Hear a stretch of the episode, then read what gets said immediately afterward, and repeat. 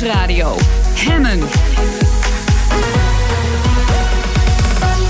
Roelof Hemmen. Welkom bij Hemmen, je dagelijkse deep dive in het nieuws. De Britse premier Theresa May zit klem in die brexit. Vandaag moet ze haar kabinet op één lijn zien te krijgen... in een land dat steeds meer verdeeld raakt. Armin Kuivers is bij me. Hij is hoofddocent Europees Recht in Leiden. Welkom, meneer Kuivers. Goedemiddag. Dank u. Um, Gistermiddag zagen we een woedende Theresa May. Uh, nadat in Brussel de scheidingsakte, in elk geval een, uh, een, een voorstel voor die scheidingsakte werd gepresenteerd. Wat maakte haar nou zo boos? Wat haar zo boos maakt, eh, in zekere zin zit ze gewoon, zoals je zei, klem. Dus misschien is het deels frustratie. Er staat niks in dat akkoord dat niet voorspeld was en dat niet aangekondigd was door de commissie. Wat haar zo boos maakt, is eh, dat de Europese Unie haar nu weinig ruimte geeft om de kol en de geit te sparen. Iets wat ze al een paar maanden probeert te doen. Eigenlijk al twintig maanden sinds de notificatie is ingediend. Ze weet dat ze niet alle partijen blij kan houden. En tot nu toe kan ze geen keuze maken. Want als ze de eigen Brexit-minderheid boos maakt, dan verliest ze de premierschap. Als ze de DUP en Ierland boos maakt, verliest ze de premierschap. En tegelijkertijd heeft ze steun van de Unie nodig om een akkoord te bereiken. Zie daar het slagveld. Precies. Um, maar het, laten we even inzoomen op, uh, op de details van die scheidingsakte. Uh, we hoorden net in het nieuwsoverzicht ook al uh, de, de Europese baas Tusk zeggen: ja, er moet toch iets, iets gebeuren. Ik ga vandaag ook naar Londen met mee te praten. Maar het gaat allemaal over de grens tussen Noord-Ierland, Groot-Brittannië, en Ierland, de Republiek Ierland Europa. Dat is het grote probleem. Hè? Wilt u dat, dat eens uitleggen? Nu, dat is nu het centrale pijnpunt. En daarom is het goed om onderverdelen in, in drie akkoorden die gesloten moeten worden. Um, akkoord 1, het VK moet uit de Europese Unie. Akkoord 2, dat akkoord moet 29 maart 2019 klaar zijn. Op dat moment gaan ze niet klaar zijn, dus er moet een interimakkoord komen. Dat interimakkoord is nu voorzien tot en met 31 december 2020. En tijdens dat akkoord blijft de facto al het Europese recht gelden. Een enorm check voor mee, maar daar kunnen we het zo over hebben. En dan is er een derde meest problematisch akkoord nodig. Na 2020, hoe gaan Europa en het VK met elkaar om? Wat worden de relaties? Waarom is, het, is Ierland nu zo'n pijnlijk punt? Uh, du moment dat je uit de Europese Unie stapt, uit de, stap je ook uit de interne markt en uit de douane-Unie. Vanaf dat moment kunnen goederen niet meer vrij heen en weer. Vanaf dat moment zal het Verenigd Koninkrijk tarieven moeten gaan betalen over elk product dat de grens overgaat. Dat moet bewaakt worden. Op het moment dat het VK uit de Unie stapt, komt de grens tussen de Europese Unie en het Verenigd Koninkrijk in Noord-Ierland te leggen. Dwars door het eiland Ierland heen. Mhm. Om historische redenen is dat iets wat alle partijen tegen iedere prijs willen voorkomen. Dus ze willen geen harde grens. Het probleem is, als je niet in een douane-unie zit, moet er een grens komen. Anders heb je een open smokkelroute. Kunnen alle goederen zomaar de Europese Unie ingefietst worden. Dus dat kan de Europese Unie niet accepteren. Ja, zij zei gisteren, zij had hele grote woorden nodig om haar woede te uiten. Ze zei: Dit brengt de constitutionele eenheid van het Verenigd Koninkrijk in gevaar. Ja, nou ja, dat is echt dat is de, de, de kern van wat een land is dat is ook de, dat is zeker de crux. En, en hier zie je een. Kijk, als er niet zoveel miljoenen mensen schade zouden lijden, zou het bijna grappig zijn hoe, um, hoe cynisch dit wordt. Het probleem is dat wat de Europese Unie voorstelt, is dat de facto Noord-Ierland lid wordt van de douane-Unie. Dat betekent dat er een soeverein stuk van het Verenigd Koninkrijk onderdeel wordt van een Europese douane-Unie. En dat er een grens komt. De harde grens komt dan niet in Ierland, maar de harde grens komt tussen Noord-Ierland en het VK. Dus er komt gewoon een harde grens in het VK zelf. En dat tast inderdaad de constitutionele eenheid aan van het VK. Ja, want eh, het gevoel in Groot-Brittannië is dan natuurlijk... Uh, landje pik is wat de Europese Unie hier doet zijn of opeens Noord-Ierland kwijt? Um, voor uh, douanetarieven, ja. Dat betekent dat de Europese Unie het douanetarief zal bepalen voor een deel van het Britse territorium. en dat kan toch ook niet? Dat, is, dat, dat, dat zou toch niemand accepteren? Nou, dat is dus de vraag tussen welke kwade kies je. En eigenlijk doet de Europese Unie niets anders dan mee confronteren met haar eigen tegenstrijdige uitspraken. Ja, ja. May heeft beloofd, er komt een brexit en we gaan niet in een douane-unie. En May heeft beloofd, er komt geen harde grens in Ierland. De Europese Unie speelt er nu hard en zegt prima, laat ons maar zien hoe dat kan. Dit is volgens ons de enige juridische haalbare optie. En dat is ook precies wat Tusk zei. Eh, de bal ligt nu bij May. Ze heeft 393 dagen om iets beters te verzinnen. Ja, en ze moet uh, vandaag haar kabinet op één lijn zien te krijgen. En morgen een hele belangrijke speech geven over precies. haar idee hoe dit probleem moet worden opgelost. Ja. Uh, lukt dat? Korte antwoord nee. Haar kabinet oplijnen wel. Uh, ik ben uitermate cynisch over de kans dat ze met een concreet voorstel gaat komen dat kan werken. En dat is omdat ze tot nu toe met name bezig is met nationaal overleven. Eh, dus wat is het idee? Ze heeft afgelopen week met haar kernkabinet in Checkers haar buitenverblijf overlegd. En daar zijn ze gekomen met een nieuwe slogan. Ehm, waarbij ze eigenlijk zeggen: we gaan uh, managed divergence hebben. Dus we gaan op sommige terreinen gaan we Europees recht helemaal respecteren. Op andere terreinen gaan we een klein beetje afwijken. En waar ons dat goed uitkomt, gaan we helemaal afwijken. Daarvan heeft de Europese Unie gezegd: uh, dit is het oude refrein. Ja, no Having your cake and eat it, no way. het is een beetje alsof je tegen partner zegt: van uh, als ik wil, zijn we getrouwd. En als ik besluit dat we niet getrouwd zijn, mag ik doen wat ik wil. En ik bepaal overigens op welke terreinen. Ehm, dus eigenlijk is managed divergence, de nieuwe kreet, komt neer op exact hetzelfde. Namelijk een Brexit à la carte, een speciale settlement die tegemoet komt aan alle wensen en dromen van de Brexiteers. Er, zijn nog een paar dingen aan de hand natuurlijk in, in eh, Groot-Brittannië op dit moment. We hadden, uh, gisteren was ook uh, uh, John Major, oud-premier van Groot-Brittannië. Die zei, misschien moet het Britse volk opnieuw een beslissing nemen. En hij impliceerde daarmee, misschien moeten we die Brexit in een nieuw referendum gewoon terugdraaien. Of het gewoon helemaal niet doen. De verschillende tegenpartijen voelen nu die ruiken nu bloed, die zien hun kans. Ja. En Corbyn heeft die kans gegrepen in zijn speech. De Labour-leider. De Labour-leider. Um, waarin hij eigenlijk een alternatief heeft geboden en gezegd: wij blijven wel in de douane-Unie. Uh, major, soft Brexit. Een soft Brexit. Dat is, soft Brexit is niet nader gedefinieerd, maar dat element daar was hij heel duidelijk in. We blijven in die douane-Unie. Um, Major en uh, Blair zijn al een tijdje bezig. Blair eh, heeft nu gezegd: we hebben een aantal weken om het te stoppen. Dus die rijken nu hun kans, omdat May bijzonder zwak staat en geen plan heeft. Ze heeft nog geen coherent plan kunnen presenteren dat haalbaar is. Denkt u dat, dat uh, die twee oud-premiers erin zullen slagen om voldoende mensen uh, achter hun idee te krijgen om gewoon het opnieuw aan het volk voor te leggen? Een, tweede, een tweede referendum lijkt lastig te worden. Waar Labour eerder op uit lijkt, lijkt te zijn, zijn nieuwe verkiezingen. Omdat Corbyns primaire doel is om zelf premier te worden. Mm -mm. En wat zou. En Oké, stel je voor dat uh, Labour dan aan de, aan de macht komt. Dat nou, zou misschien kunnen. Uh, wat krijgen we dan voor Brexit? Ja. Dat is het probleem toch nog niet weg? Het probleem is absoluut niet weg. Er zijn een aantal mogelijkheden. Eén optie zou zijn dat het Verenigd Koninkrijk, het is de meest radicale optie, eh, na verkiezingen of na een eventueel referendum, mocht het gebeuren, zegt: we willen het toch niet. We hebben nog eens nagedacht en het was eigenlijk niet zo'n goed idee. Juridisch gezien is daar een discussie over, omdat het artikel dat uittreding regelt, artikel 50 van het Unieverdrag, niks zegt over het intrekken van je scheidingsbrief. Nou is daar discussie over. Juridisch gezien kan het volgens mij wel. Ja, ja, maar Europa wil dat dan toch ook? Nee, um, ja, daar krijg je dus oh? hier recht versus politiek. Je moet beseffen dat de relatie inmiddels intens verzuurd is. Om, om bij de echtscheiding te blijven, als je eenmaal je, je, vrouw een brief hebt gestuurd en zegt van ik hou niet meer van je, en twintig maanden later zeg je um, toch wel, dan is de relatie flink verstoord. Kan ook heel, uh, heel mooi romantisch effect hebben. ik ben benieuwd naar de liefdestand tussen Merkel en Corbyn die dan gaat ontstaan.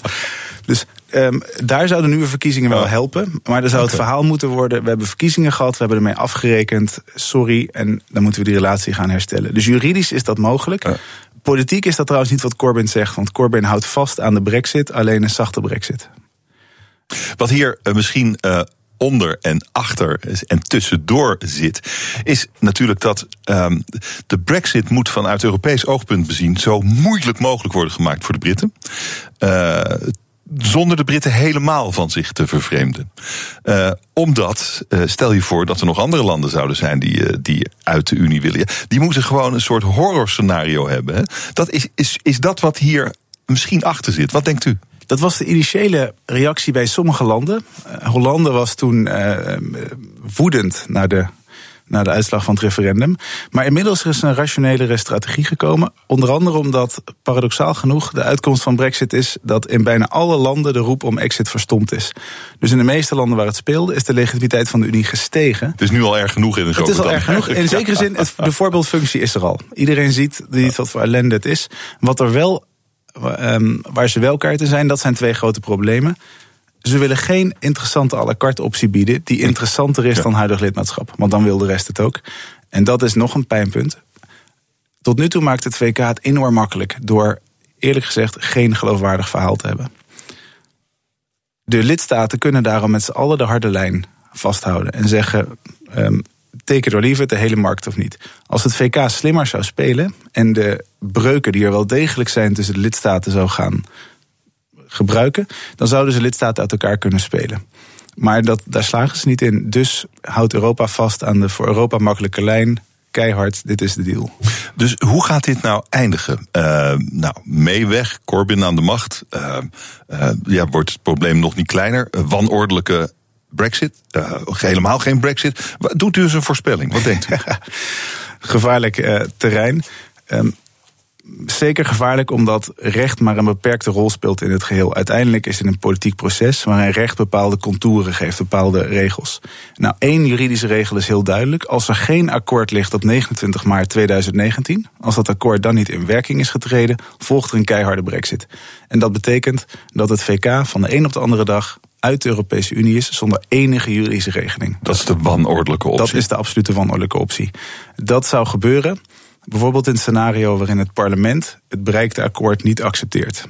En er geen intrekking plaatsvindt. Want uiteindelijk moet het Britse parlement gaan stemmen over het terugtrekkingsakkoord voor 29 maart 2019. Die kans lijkt me niet heel groot. Want eigenlijk heeft, is het probleem al vooruitgeschopt naar 2020. De facto heeft de VK geaccepteerd dat ze tot 2020 aan alle regels van Europees recht gaan voldoen. Maar denkt u dat de dagen van mee gewoon geteld zijn, politiek gezien? Ja, de vraag is wanneer ze vertrekt. Um, tot nu toe wordt ze bizar genoeg overeind gehouden door het feit dat niemand anders nu premier wil worden. Omdat het zo'n zo'n grote gifbeker is die je moet leegdrinken. Dat ze dat mee nog even laten doen. Dus de vraag is ah. wie haar wanneer wipt. Het is een, uh, een schitterend probleem, vindt u niet? Voor juristen is het heerlijk. Maar inderdaad, het vervelende is dat dit, wat minder. dit gaat miljoenen Britten enorm veel pijn doen. En daarom is het soms zo sneu om te zien dat er zo lichthartig en frivol mee wordt omgesprongen in het VK. Hartelijk dank eh, voor dit gesprek. Armin Kuivers eh, was mijn gast, hoofddocent Europees Recht in Leiden. Dank u zeer. En zometeen, er zijn zoveel misverstanden over seksueel geweld. En daarom is het zo moeilijk om het te bestrijden. BNR Nieuwsradio. Hemmen. Van goed naar beter. Er gaat heel veel goed in ons land en daarbuiten, maar laten we ambitieus blijven. Het kan altijd beter. Vandaag in Van Goed naar Beter, hoe stoppen we seksueel geweld? Mijn gast schreef het boek Alleen Ja telt, over hoe ons gedrag voor een groot deel wordt gestuurd door hardnekkige mythen en stereotypes over seksueel geweld.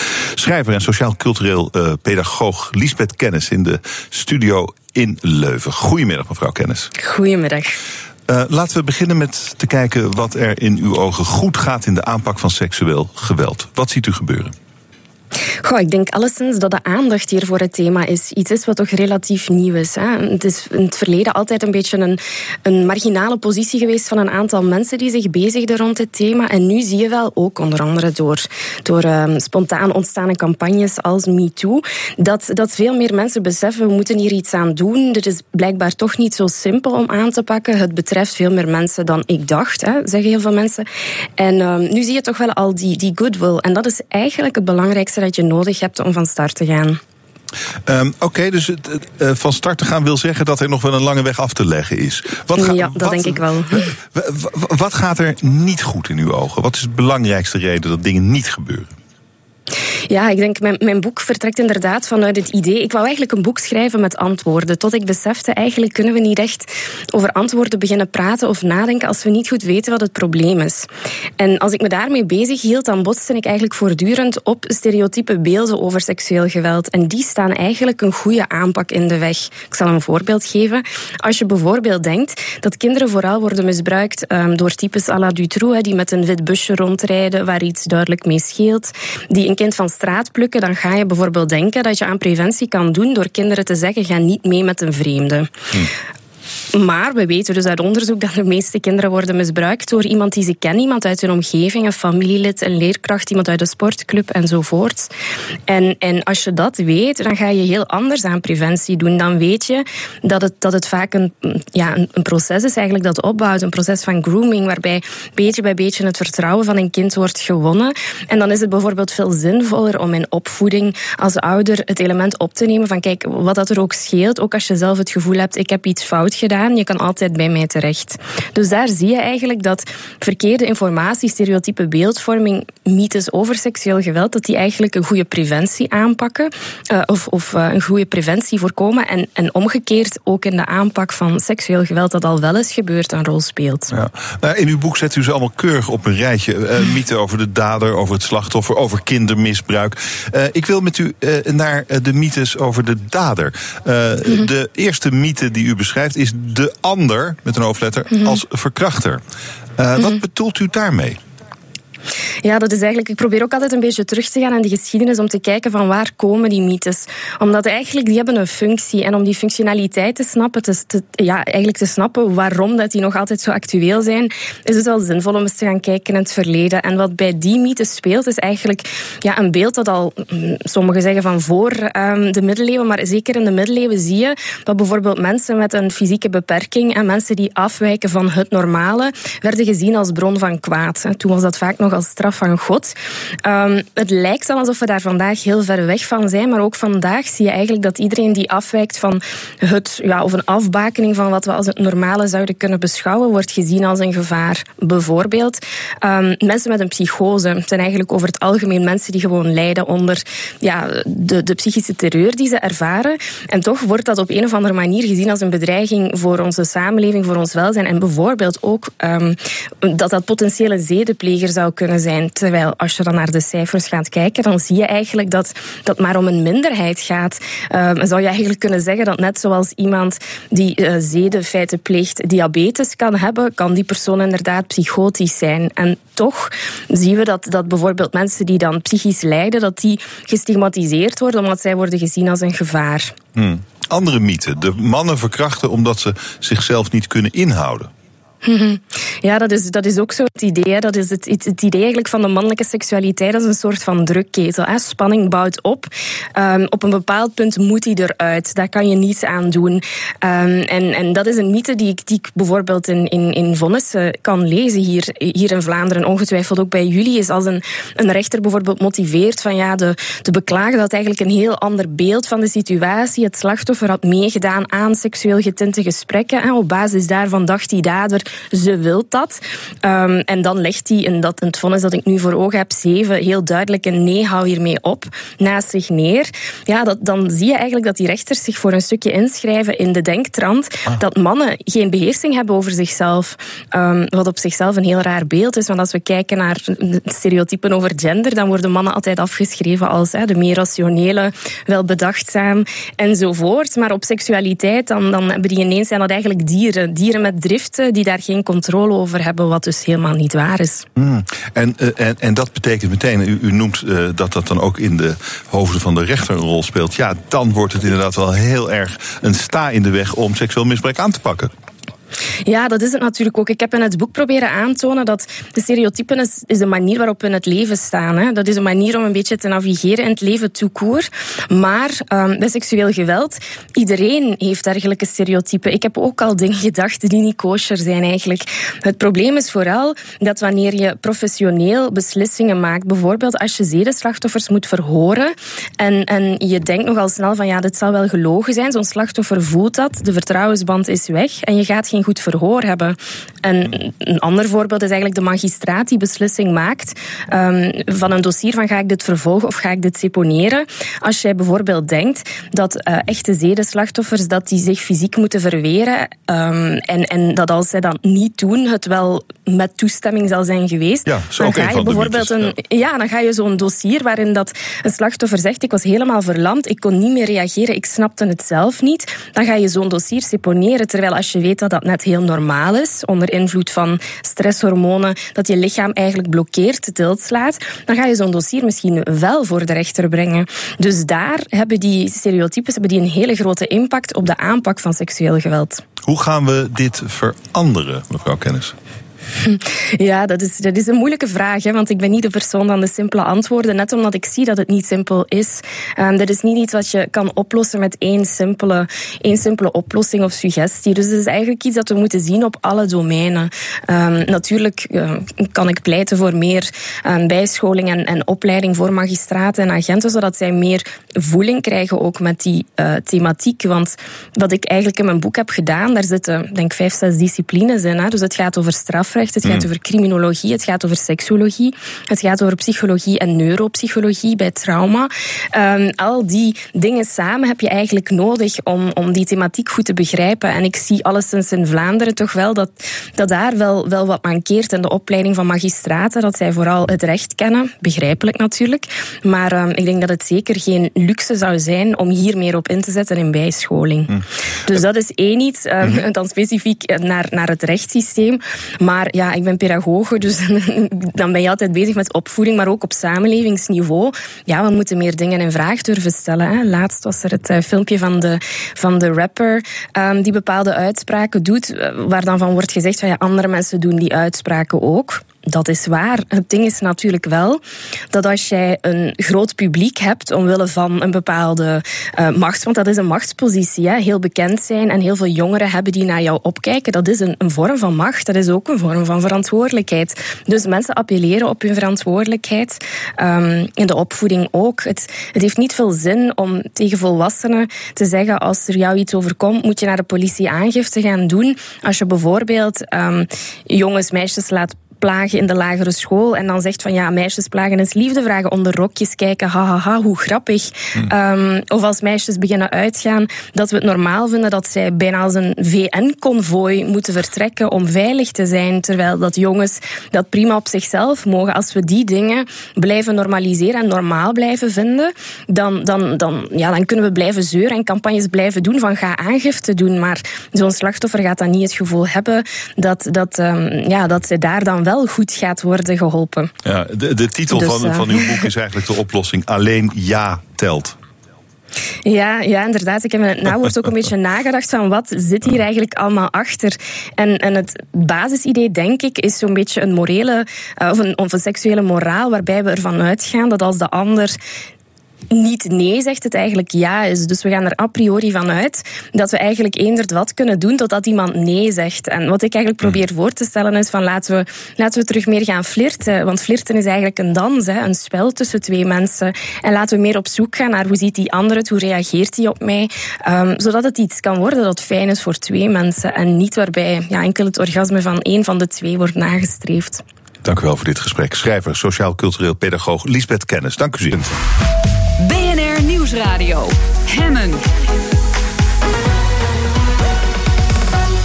Roelof Hemmen. Je luistert naar Hemmen, je dagelijkse deep dive in het nieuws. Injecteren van stikstof in de Groningse gasvelden is de beste en de snelste manier om een einde te maken aan de aardbevingen in Loppersum en omgeving. Zegt overleggroep Groningen 2.0. En twee leden van die groep zijn hier bij me. Margriet Kuiper, consultant en voormalig manager bij de NAM. En Pieter Kaptein, hij is ingenieur. Goedemiddag, welkom. Uh, meneer kapitein, laten we eerst eens even, u bent ingenieur, laten we eerst eens even kijken hoe dat nou technisch werkt, die stikstofinjectie. Wat moet ik me erbij voorstellen? Um, als je gas uit een gasveld haalt, dan daalt de druk. En daarmee creëer je als het ware energie. Die zet zich om in compactie, zoals we het noemen. De slinking van de daling van de bodem. En een gedeelte, en een gedeelte van die energie gaat zitten in de breuken. Okay. En die breuken die bouwen spanning op. En de aardbevingen zijn eigenlijk dat die breuken gaan schuiven en die spanning loslaten. Uh, als je de druk in een gasveld op hetzelfde pijl kunt houden, dan voer je niet meer energie toe. Dus dan kun je verwachten dat de aardbevingfrequentie en zowel de, de, sterkte van de aardbevingen zal afnemen. Dus wat, wat je doet eigenlijk met stikstof, is dat voor elke kubieke meter gas die je produceert, die, uh, die vervang je door een, een kubieke meter stikstof. En daarmee blijft de druk in het totale veld probeer je constant te houden. En daarmee stabiliseer je als het ware de ondergrond. En dan nemen dus de aardbevingen en de frequentie nemen af. Dat, dat is echt waanzinnig simpel. Het is Als u het zo uitlegt, tenminste. Uh, Oké, laten we even kijken. Uh, hoe kom je aan die stikstof? Hoe, hoe, breng je die in? En hoe voorkom je dat dat zich mengt met het aardgas en, en dan iets doet wat misschien niet goed is? Dat zijn een hoop vragen, maar ja. uh, stikstof zit in de lucht. Dus 78% van de lucht die wij inademen is stikstof. Als je die lucht koelt, doen we ze cryogeen maakt, dus onder, ver onder het nulpunt, dan komt de zuurstof en de stikstof komen er als vloeistoffen uit. Dus je kunt ze scheiden. En die, die zuivere stikstof kun je injecteren weer in het veld. En daarmee hou je als het ware de druk op, op peil. Oké, en, uh, en het, het kan geen kwaad als het zich vermengt met het gas.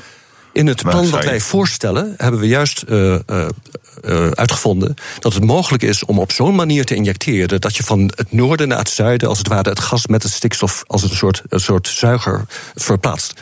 Dus je blijft gas produceren aan de onderkant van het veld, het zuiden. En in het noorden gebruik je de locaties waarop dit, die op dit moment niet meer gebruikt worden voor het injecteren van stikstof. Oh, zodat het een, een doorlopend systeem is eigenlijk. Correct. Wauw, nou dat is. Uh, ja, uh, waarom is dat niet al lang gebeurd, mevrouw Kuiper? Um, ja, dat is een, uh, dat is een heel logische vraag. Um, in 2013, 14 heeft uh, NAM er al wel naar gekeken, naar stikstofinjectie of drukhandhaving. Uh, mm. ook, ook met behulp van water of op andere manieren kan je dat doen. daar heeft NAM uitgebreid onderzoek naar gedaan. Het probleem is dat toen de productie nog op 40 miljard kubieke meter per jaar zat. En 40 miljard kubieke meter is echt heel veel gas om te vervangen met stikstof. Oh, dus het, okay. het project werd enorm groot. Uh, veel impact, zowel qua kosten, maar ook op het landschap. Pijpleidingen, er moesten 23 extra putten geboord worden om dat stikstof in het veld te krijgen. Het moest weer afgescheiden worden als het inderdaad met het gas mee omhoog kwam.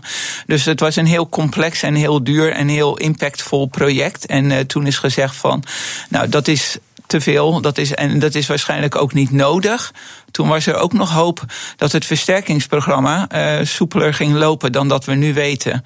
Dus toen dachten ze van nou, 5000 woningen per jaar, uh, vijf jaar, dan zijn we klaar met versterken. Okay. En er is gebleken nu dat dat versterken gewoon een enorme uitdaging is en vaak niet mogelijk. Maar nu kan, het, uh, maar nu kan dat plan dus eigenlijk wel, want we ja. halen veel naar, minder, minder gas naar boven. Ja.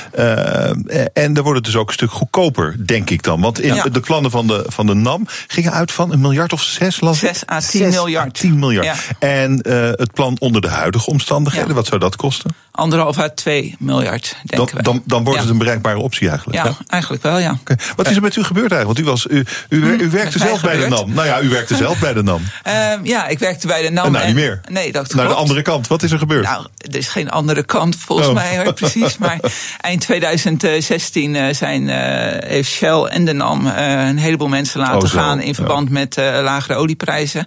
En ik heb uh, ook mijn vinger opgestoken. Om, uh, dat ik het leuk vond om nu zelfstandig als zelfstandig ja. consultant verder te gaan. Maar u, u, u zit er, u, het is interessant dat u nu de, de problemen wilt gaan oplossen. Uh, terwijl u aan de creatie ervan jarenlang hebt meegewerkt. Dat, dat bedoel ik eigenlijk met de andere kant. Ja, misschien juist daarom wel. Hè. Dus, is dat het? Ik, ja, nou ja, goed, ik heb kennis van het onderwerp. En Wim Turkenburg zit ook in ons uh, overleggroep. Uh, Wim Turkenburg heeft, nou, samen hebben we ook destijds gekeken naar wat je kan met, aan, met stikstof ook aan de oppervlakte. wat voor innovatie en synergieën je ermee kan bereiken.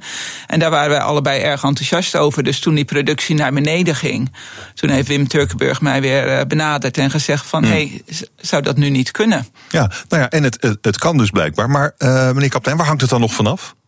Het hangt er vanaf van de wil van alle mensen om eigenlijk te kijken naar een optie die, waarvan wij vinden dat die opengehouden moet worden. Wij denken dat stikstofinjectie een hele goede optie is, zeker bij het verlaagde productieniveau. En op dit moment lijkt er een onwil te bestaan om naar deze optie te kijken. Bij wie? Uh, bij de politiek. Uh, ik denk dat er een sfeer is ontstaan van we willen zo snel mogelijk van het Groningen-probleem af. En wat wij zeggen is, er is een betere manier om dit probleem beheersbaar te maken. En dat is door stikstof te injecteren. Want daarmee creëer je meer zekerheid voor de Groningers. Hmm. En eventueel kun je ook de waarde van het veld op langere termijn kun je daarbij zekerstellen. Um, dus wat doet u dan nu om uh, te zorgen voor uh, politieke draagkracht voor dit, voor dit nieuwe, uh, deze ja, hmm. nieuwe oude oplossing? Nou, heel veel praten. We hebben echt wel vier, vijf, ja, vier, vijf gesprekken per week. Uh, zowel met degene die aan de touwtjes trekken, maar ook met de mensen in de regio uh, praten we heel veel. Uh, gewoon om te luisteren van wat zijn de dingen die, ja, de, de bezwaren die mensen hebben. en wat zijn de zorgen die mensen hebben als je dit zou doen. En eigenlijk ook om uit te leggen dat um, de reductie van de productie belangrijk is, maar dat dat eigenlijk nog heel lang gaat duren. Want zelfs als je in 2030 stopt hm. met, met gasproductie, en dat zou al heel snel zijn, dan gaan de bevingen daarna nog, ja, nog wel een tijdje door, omdat de drukken in het veld dan nog gelijk moeten worden. Dus je hebt nog steeds verdere uh, bevingen. Um, en dat is best wel lang. Uh, dus wij zeggen van als je snel begint met die stikstofinjectie, dan kan je veel sneller uh, die bevingen reduceren. Ja, er zijn natuurlijk ook al lege velden denk ik dan, of half lege velden of zo, bijna lege velden, die, die zou je dan ook eh, onder druk kunnen zetten opnieuw. Of is dat dan geen goed idee? En waarom zou je dat? Nou, om dat te voorkomen dat ze gaan werken. Hetzelfde eigenlijk. Ja, of hoeft dat in, in, in, nou, in principe de, de velden die geen bevingen hebben, hebben laten zien tijdens de productie. Dan komt het ook niet meer. Nee, dan komt er ook geen bevingen. Nou, we stellen overigens ook niet voor om onmiddellijk dit hele plan uit te rollen. We stellen voor eigenlijk dat er A naar de optie gekeken wordt. Ja. Naar alle, alle aspecten van de optie. De veiligheid, de waarde, de betaalbaarheid ervan. Maar dat we ook kijken naar een test. En die test kun je op een periode, in uh, twee jaar zou je dat kunnen doen. En die zou je ook met gas kunnen doen.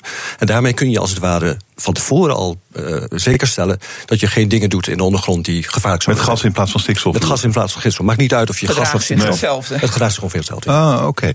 Okay. Um, nou goed, dat is nog wel een dingetje. Denken jullie dat dat gaat lukken? Technisch of politiek? Nee, politiek. Dat lijkt me het grootste probleem hier. Nou, dat is inderdaad de grote vraag. Uh, is heel moeilijk in te schatten. Hmm. Um, wat ik wel erg sterk merk, uh, gisteravond ook op Nieuwsuur, is dat in de regio mensen nu pas zich realiseren hoe ingrijpend die versterkingsoperatie is. Halve dorpen die echt gesloopt gaan worden. Uh, nou, monumenten die gewoon continu weer en weer beschadigd worden. Dus er komt toch veel meer aandacht ook van voor mensen voor opties die mogelijk dat versterkingsprogramma significant kunnen reduceren.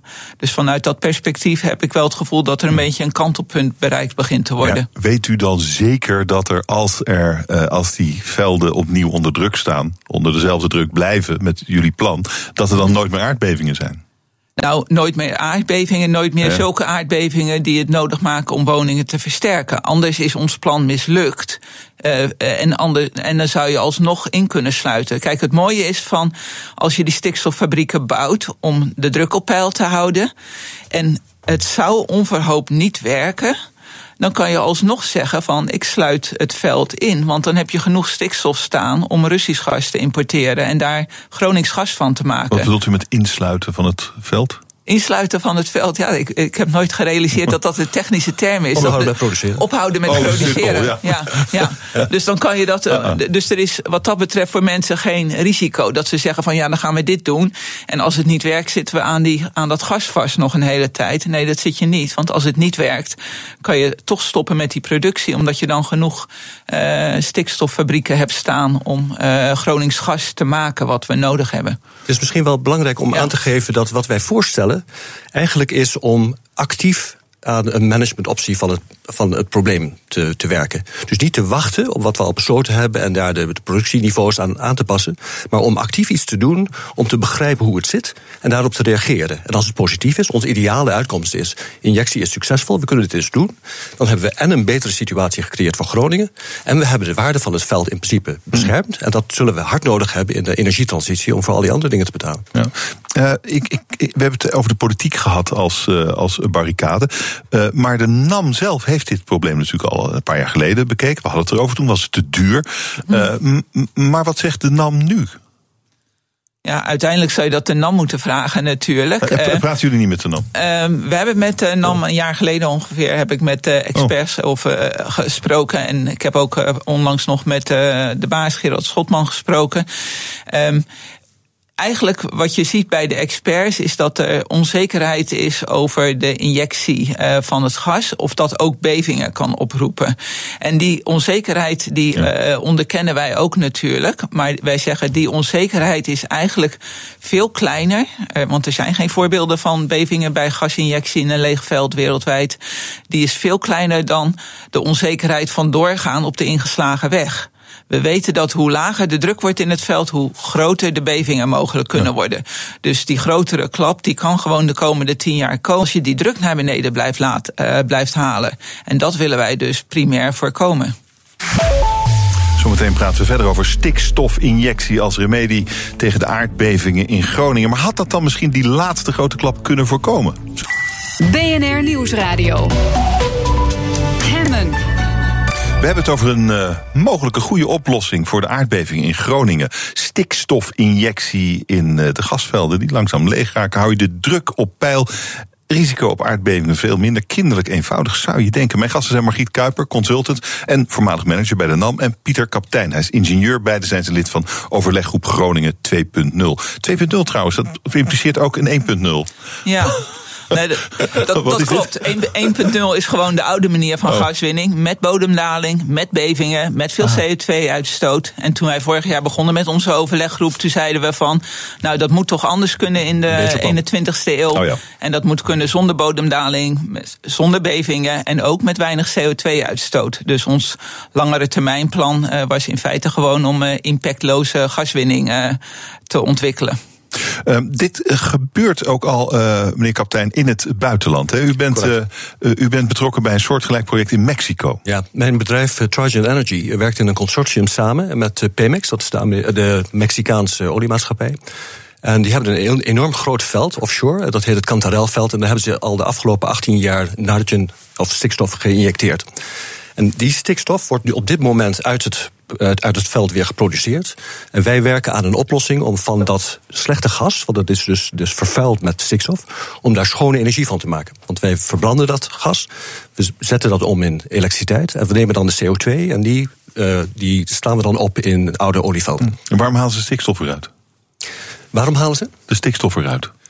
De stikstof uh, eruit, als je de CO2 wil opslaan in oude velden, wil je graag dat de stikstof oh, eruit gehaald wordt. Dit, dit, ja, natuurlijk. Dit is eigenlijk de volgende stap. De volgende stap. Ja, ja, ja. Stikstof eruit, CO2 erin. Als, uh, dat, hier in Nederland is dat nog stikstof een beetje een gevoelig is, is dingetje. Niet, uh, is natuurlijk geen, nee. geen probleem. Oké, okay, dus uh, dat loopt daar eigenlijk heel goed. Dus. En dat heeft in die afgelopen 18 jaar dat het daar gebeurt, ja. zijn er geen aardbevingen geweest? Nou, dat is een beetje moeilijk oh. te zeggen, want het is Mexico. En we weten allemaal natuurlijk dat Mexico een tektonisch heel erg actief gebied is. Er zijn oh. veel aardbevingen, dus het is heel moeilijk om te zien wat er gebeurt uh, doordat je werkt aan die velden, of dat wat er natuurlijk gebeurt. Dat, oh. dat is gewoon een probleem. Maar er zijn in principe in Cantarel zijn er geen, uh, geen rapporten, voor zover ik weet, van aardbevingen die veroorzaakt zijn door de stikstofinjectie. Oh, maar vonden ze aardbevingen daar geen probleem? In Mexico zeker niet. Nee, waarom stoppen ze dan stikstof in, de, in dat gasveld? Uh, dat hebben ze nodig om de druk in het veld op peil te houden. Oh, dus een okay. olieveld. Een andere, dit is echt een andere reden dan, in, dan ja. in Groningen. Maar Correct. u dacht, ja, je, je, kan het, je, kan, je kan het in Groningen ook doen, maar dan. En de installatie, ja. dat is het grappige. We, we okay. werken hier aan. De installatie die daar staat, in dat Tasta, is precies de maat die wij nodig zouden hebben voor ons plan. Dus we weten alle nou cijfers ervan, we weten de technologie, we weten de betrouwbaarheid ervan. Dus we kunnen heel nauwkeurig schatten wat, het, wat er voor nodig is om dit goed uit te voeren. U kunt hem zo neerzetten. Hè? Ja, correct. En misschien is hij wel niet meer nodig in Mexico. Um, de nog, nog doet hij het ook. jaar. Oh, oké. Okay. okay. um, is er een. Uh, we hebben eigenlijk nog niet over de, de, de implicaties van, van deze technologie gehad op het, op het milieu. Nou, CO2 opslaan in Mexico, dat is in Nederland nog wel een beetje omstreden. Ja. Uh, maar zijn er milieuconsequenties aan deze manier? De milieuconsequenties zouden zijn de hoeveelheid energie die je gebruikt om die stikstof mee te maken. Dus er is, er is een bepaalde, wat we zeggen, footprint van CO2 uh, met dit plan. Maar op termijn, en daar hebben we dus met de groep over gesproken, is het mogelijk om dit volkomen milieuvriendelijk te doen. In de zin van, we kunnen deze elektriciteit opwekken met de systemen waar mijn bedrijf aan werkt. En dan de CO2 bijvoorbeeld offshore uh, in velden opslaan. En dan, het ideale uitkomst is eigenlijk, ons plan werkt. Dus de, de, de bodem stabiliseert zich, de bevingen gaan omlaag. Dan zou je eventueel hele lange termijn kunnen overwegen om zelfs de CO2 van Nederland in Groningen op te slaan. Uh, dit, dit, gebeurt ook al in de Verenigde Staten, toch? We hadden het over Mexico, maar ook. Uh, wat doet u daar dan? Of is dat een ander bedrijf? Of hoe gaat het daar? Het, is, het gaat daar over het algemeen goed. Uh, ik denk dat in Amerika de CO2 die gebruikt wordt voor wat wij noemen enhanced oil recovery, dus om meer olie uit de grond te halen, dat is allemaal natuurlijke CO2 die uit natuurlijke gasvelden komt waar heel veel CO2 in zit.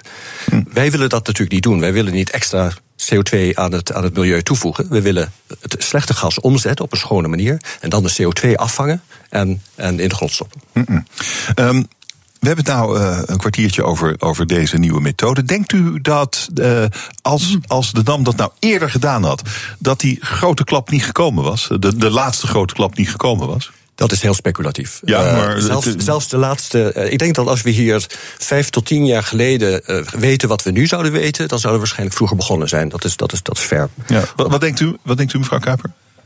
Um, ja, ik denk dat gewoon eigenlijk zoals altijd hebben we vaak uh, een, een, een, serieus incident nodig voordat we in actie komen. Um, en het is goed om terug te kijken, maar ik zou met name vooruit willen kijken ja. naar de volgende grote klap. En ik hoop dat we die niet nodig hebben voordat we nu iets gaan doen om die bodem te stabiliseren. Mm. Um. Ja, nou ja, eind van deze maand uh, moet het plan komen van minister Wiebes over de gaswinning en hoe daar verder mee om te gaan. Dus u heeft relatief weinig tijd. Hè? We stelden ja. net vast, de politiek is niet geïnteresseerd nee. op dit moment. Uh, dus dit, het, ja, hoe mooi het plan ook is, het lijkt een kansloze missie. Dat lijkt het, maar we hebben ook het gevoel dat uh, we als het ware een stap terug moeten nemen. Op dit moment is, zijn de, de partijen zo uh, wantrouwend tegenover elkaar dat ze moeilijk aan dit soort ideeën kunnen wennen. Ik denk dat je een onafhankelijke commissie in het leven moet roepen die naar dit soort opties kijkt, onafhankelijk, en zegt: lange termijn voor Nederland en voor Groningen is dit de beste manier om het te doen. Ja, de tijd dringt. Een commissie vormen. Over een maand moet het rapport er zijn. Waarschijnlijk is het, het rapport er al. Zou kunnen. ja. ja.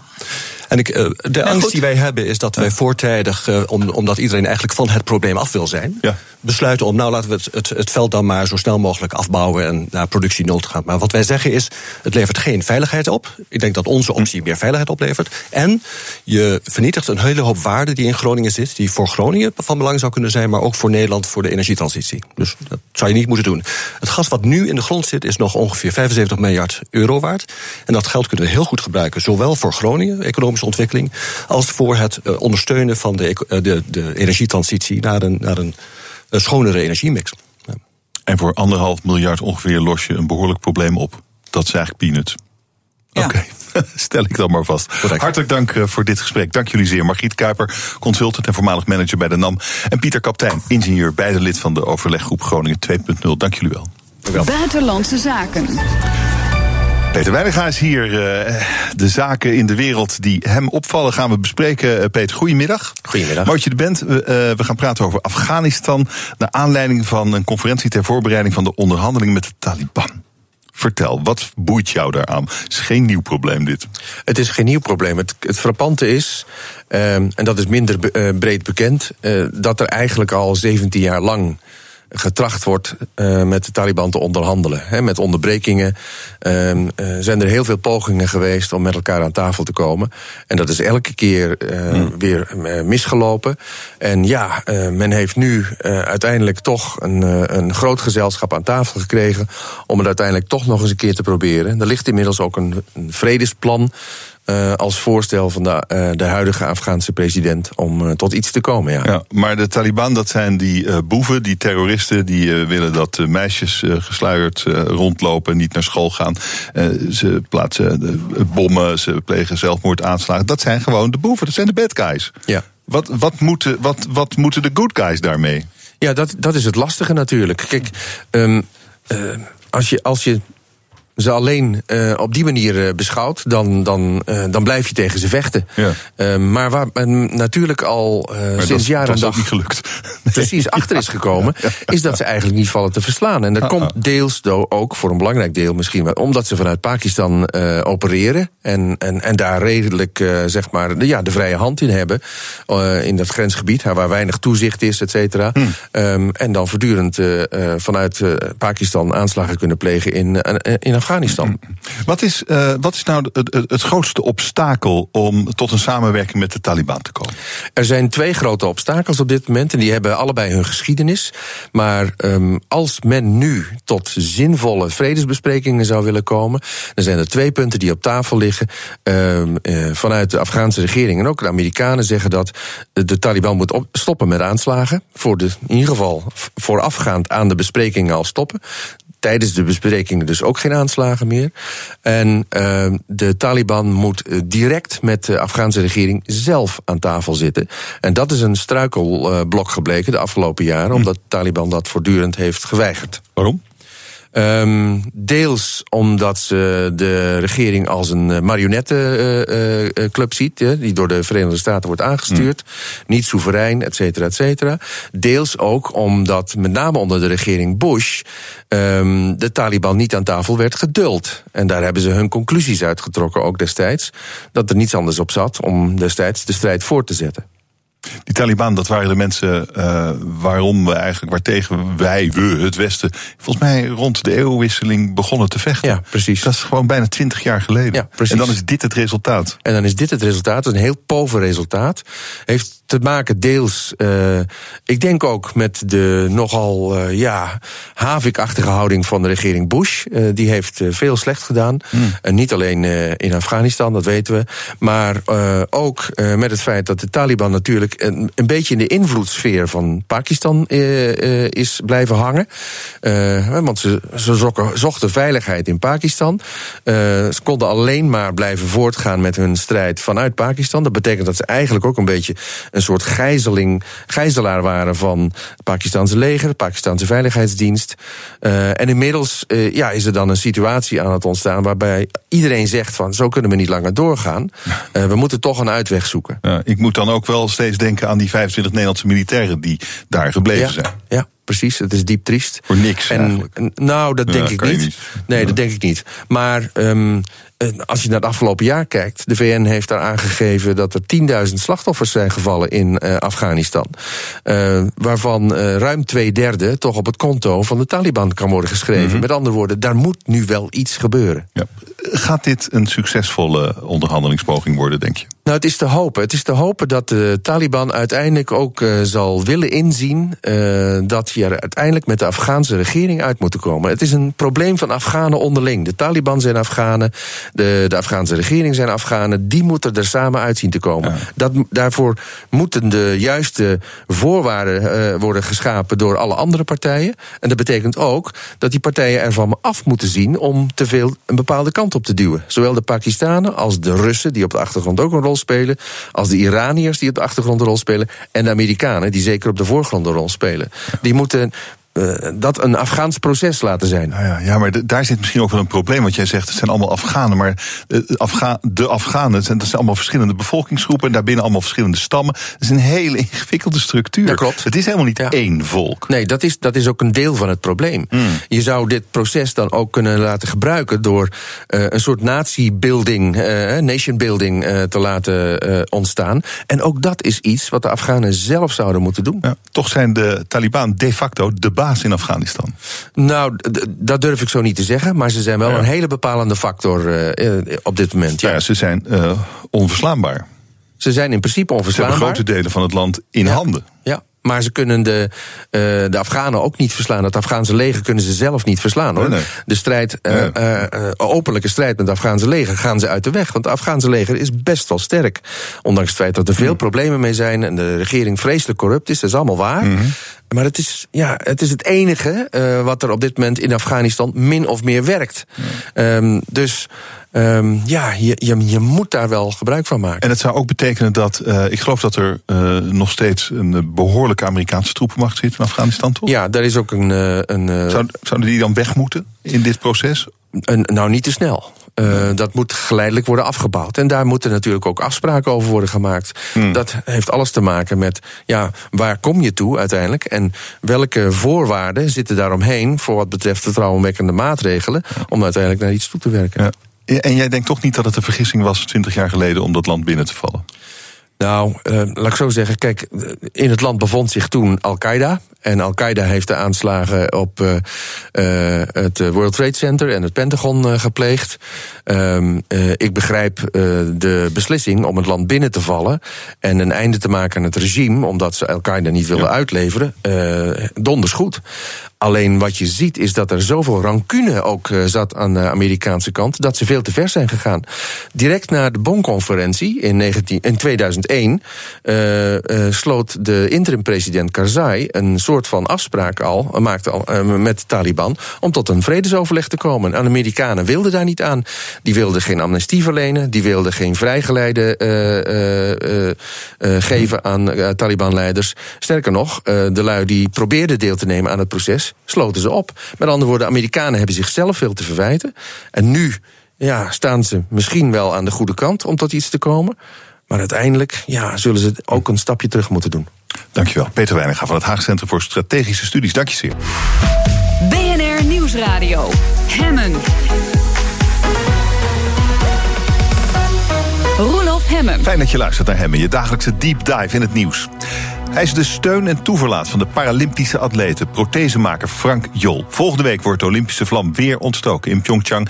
En hij is er dan bij als materiaalman van onze Paralympische sporters. Frank Jol, welkom. Goedemiddag. Hallo, goedemiddag. Uh, uh, hoe bent u in die wereld terechtgekomen? Hoe word je prothesemaker? Uh, hoe word je prothesemaker? Ja, dat, in mijn geval is het gewoon een soort van lot uh, geweest. Zoveel jaar geleden. Um, ergens eind tien jaren was ik heel, wist ik heel goed wat ik niet wilde. En wat ik wel wilde, uh, wist ik niet. En uh, als klein jongetje liep ik met mijn vader in het ziekenhuis rond. Die werkte in het ziekenhuis toen de tijd.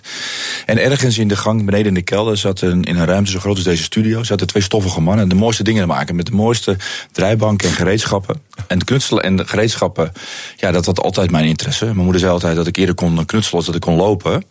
En ja, zo is het gewoon een beetje gekomen. En uiteindelijk kwam, en aan die, aan, aan die zoektocht kwam een einde. Uh, dat ik in één keer uh, door middel van een advertentie op, op orthopedische instrumentmakerijen ah. uh, werd, werd, ge, werd, ge, werd getipt. en ik net de derde MBO mislukte opleiding had doorlopen.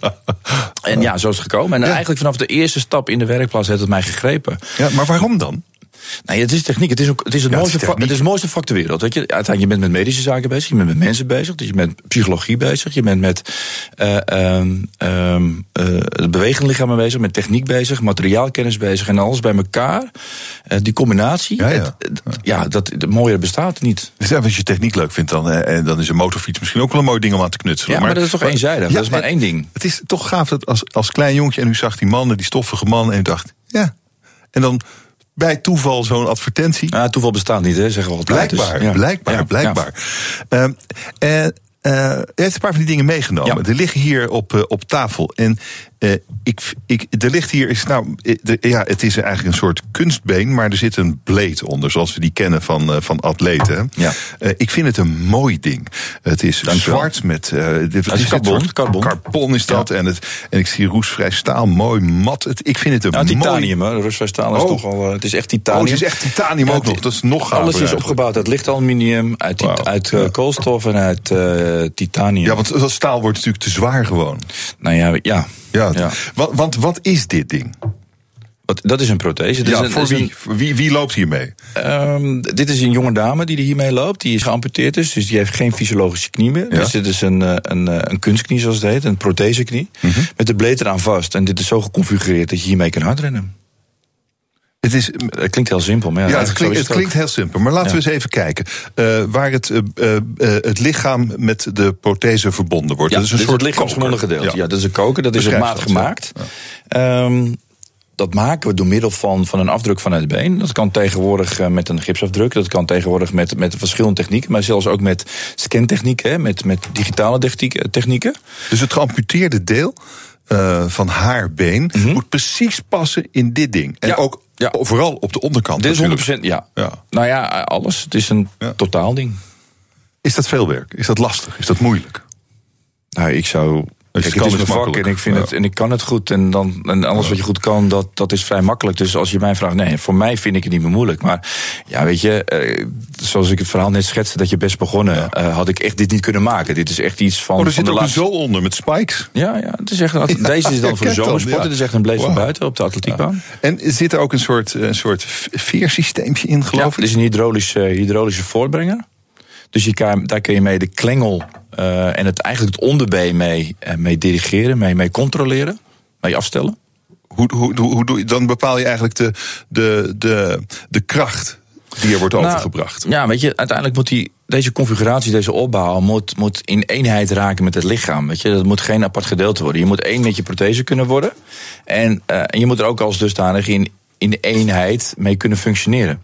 En al die afstelmogelijkheden die je hier tussenin ziet, dat Mhm. geeft mij de mogelijkheid om ehm, de afstelling zo te doen dat het bij je past. Maar hoe, hoe weet je nou eh, welke afstelling past? Dat weet je niet. Nee, dus hoe, hoe vind je dat uit dan? Nou ja, weet je, het hele mooie is, ik pak altijd de metafoor naar de Formule 1. Eh, Max Verstappen heeft nu zijn RB, vo- eh, RB14, hè, dus een, dus een nieuwe, nieuwe auto. Die gaat nu op, eh, op Spanje rijden.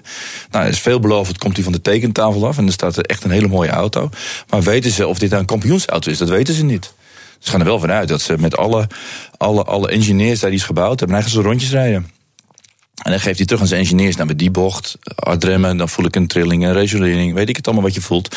Nou, dus die, eigenlijk is dit wel, wel geschaald. Maar hetzelfde, Ja, ja. hetzelfde manier van aanpak. Omdat je het gewoon niet weet. Het is net hoe jij ermee functioneert. Plus wij, deze dame kan een slechte dag hebben. Of die kan eh, sterker zijn. Of die kan terug van vakantie komen. Of die kan ja, nee, en uit de winterperiode komen. Dat heeft allemaal invloed op het functioneren. Als je het op topsportniveau bekijkt. Zou je eigenlijk zeggen dat, dat, dat dit misschien wel beter is dan het natuurlijke origineel? Of niet? Nee. Het, het lichaam is altijd het beste. Nee, nee, natuurlijk wel. Dat is de mooiste uitvinding eh, die Ja. er bestaat. Weet je. Er, gaat niks boven het menselijk lichaam hoe dat functioneert. Dus wat je doet is eigenlijk proberen dat te benaderen. Ehm, ja. Nou, je probeert van, het, van, van, van jou, jouw beperking geen beperking te maken. Dus onbeperkt ben je beperking, zeg ik altijd. Het klinkt altijd heel erg eh Ja, ja. eh, leusachtig. Maar Nee, ik snap hem wel. Ja. nou ja, weet je, kijk, we moeten het beste van maken. Kijk, als jij een niet benadigde voetballer bent met het talent... en je kan het met werk, eh, werklust kan je het compenseren... zodat je zeg maar een hele mooie carrière hebt. Dat is eigenlijk hetzelfde. Dat is hetzelfde als deze. Deze mensen hebben de pech dat ze iets zijn overkomen door het lot... Eh, enerzijds geboren, het zij ziek worden, het zij door wat voor andere zaken ook. En dat hoeft niet te betekenen dat je niet meer op hetzelfde levensvreugd eh, en dezelfde eh, gelukheidsniveau mag functioneren als jij en ik. En ja, dat draagt dit aan bij. Ja.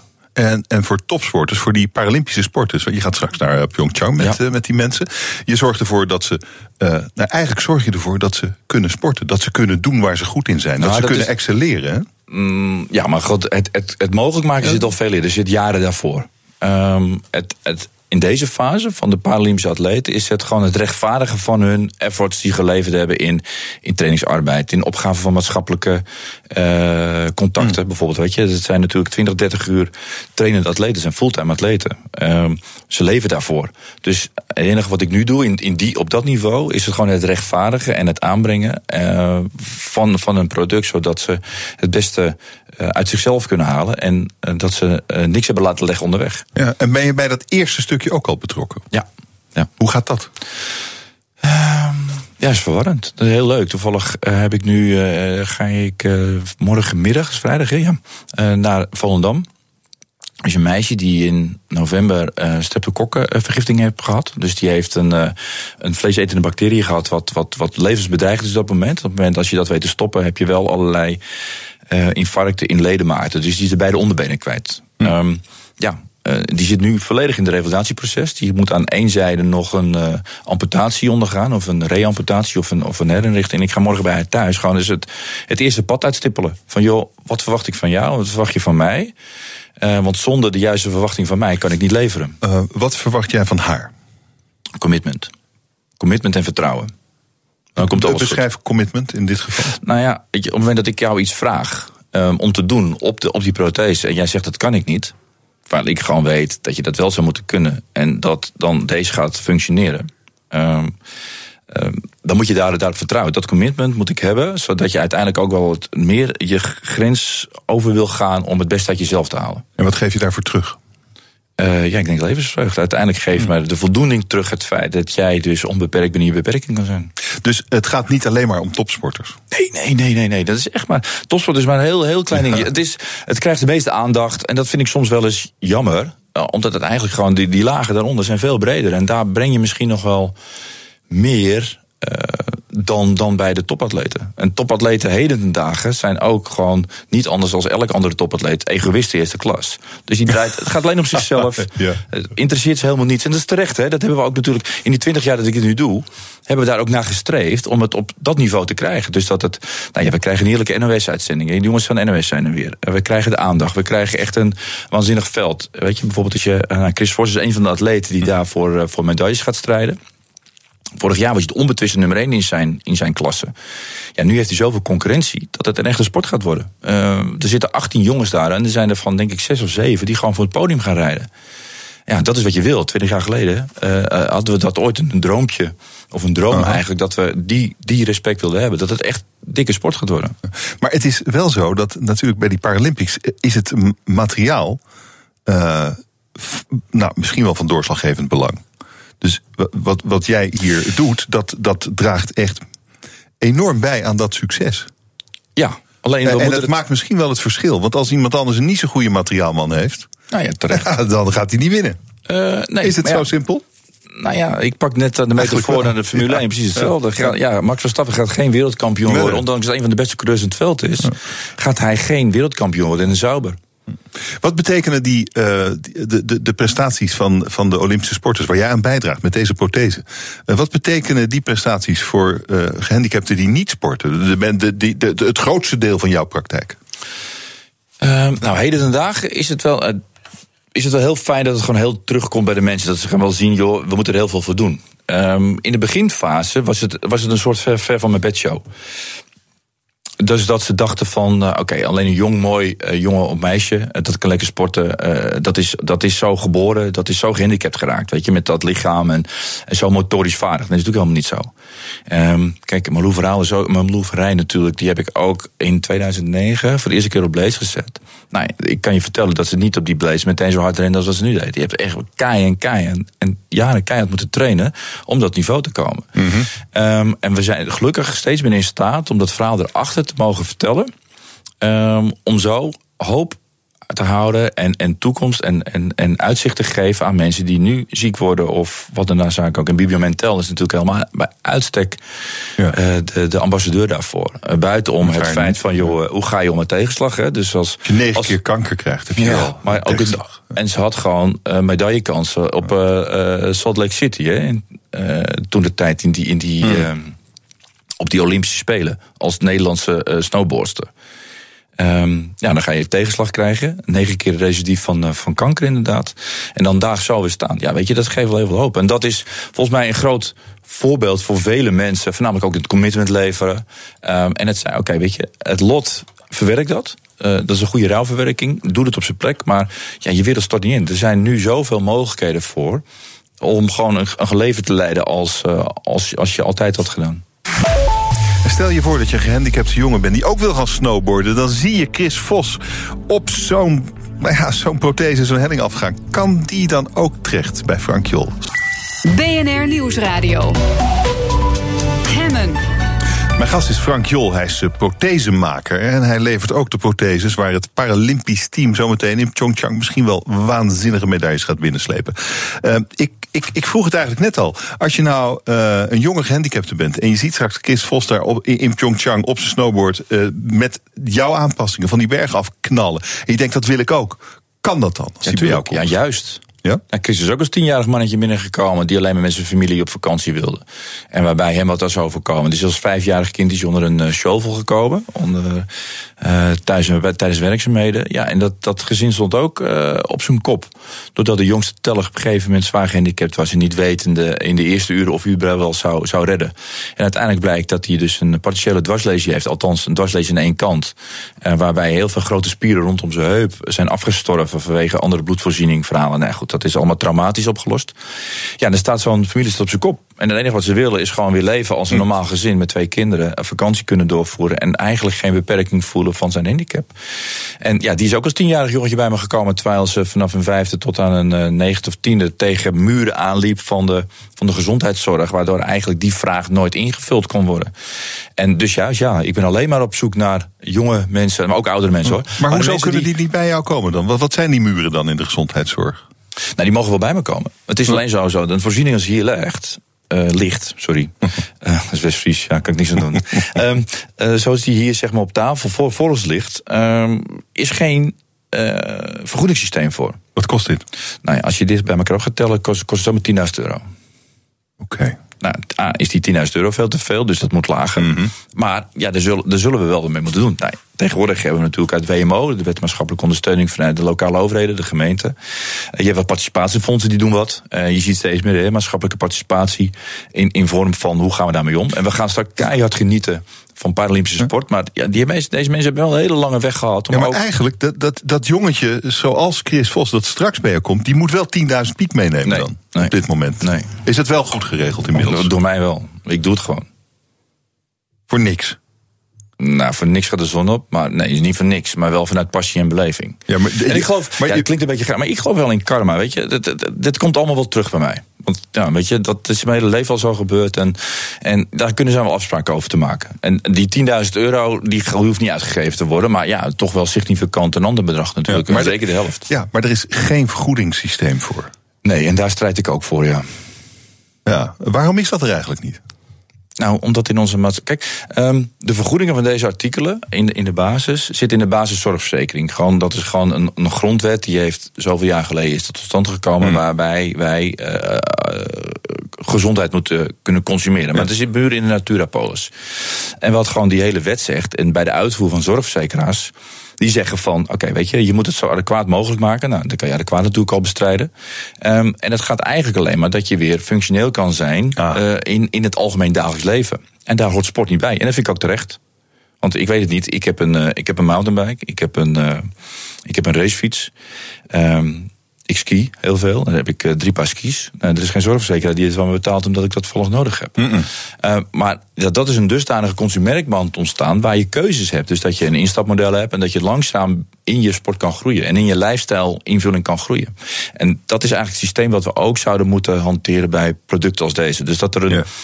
Tuurlijk, de zorgverzekeraar kan er niet helemaal aan om, kan, om, om, om, uh, omheen gaan dat ze ook daar wat aan bij moeten dragen. Maar niet het volledige. Dit kan je niet bij een zorgverzekeraar inleggen. Dat vind ik onzin. Nee, dat zou te veel zijn. Dat, okay. dat kan ook niet. Weet je, maar het is die lifestyle invulling, het, het, het fitheid consumeren, het, het, het, uh, het sport consumeren, het, het leven consumeren. Ja, daar moeten we wel wat mee. Ja. Mm. Uh, maar goed, jij had een bedrijf met 24 man. Ja. Als je me nou uitlegt dat je de dingen ook voor de helft van de prijs wil doen als het op je pad komt. nou, ja, je goed, hebt nu geen 24 man personeel nee, meer. Nee, nee, dat, Misschien dat... zit er iets in de bedrijfsvoering dat een beetje conflicteert met jouw houding in het leven. Uh, ja, dat klopt. Dat klopt ja. helemaal. Ja, ja, dat, uh, dat, ik heb daar andere succesbeleving bij bij een aantal zaken. Ja. Um, uh, de verdiensten leggen ergens anders. En dat heeft me niet altijd windeieren gelegd. Um, maar voordat je zeg maar. Kijk, als je vijf mensen in je, in, je, in je praktijk hebt die dat willen.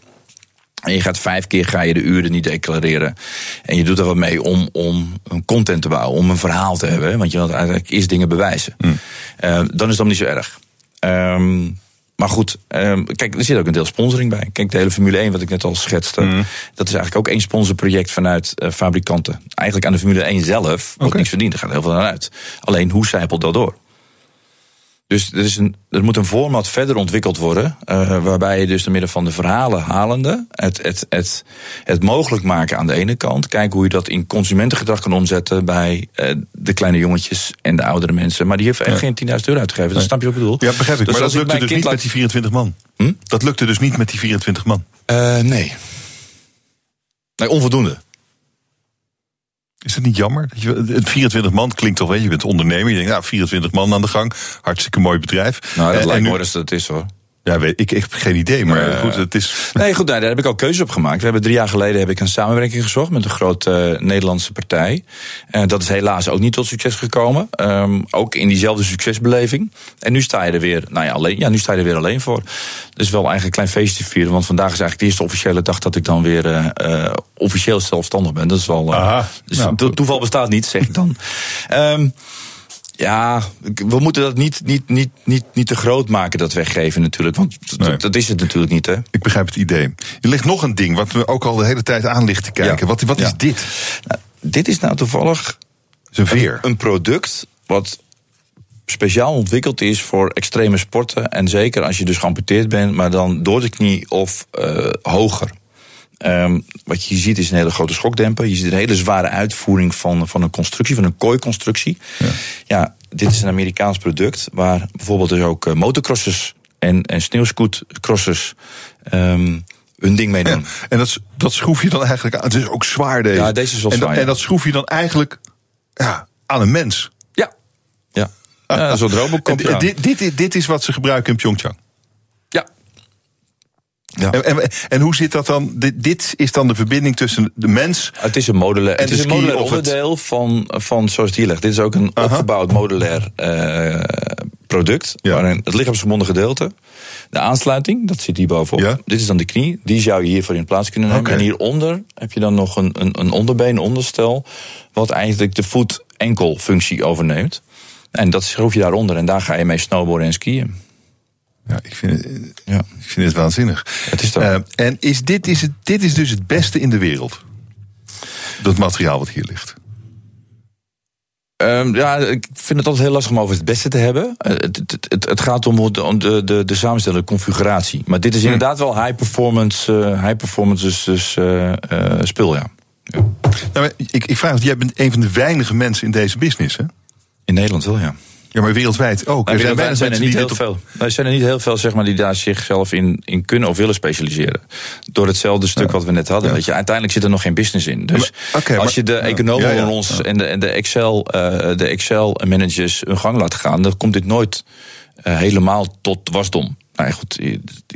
Het is radio, maar jij ziet mij nu voor me staan. Ik ben verder van een Excel-manager en van creatieve jongen die altijd wel mogelijkheden ziet. En ik geloof er ook keihard in.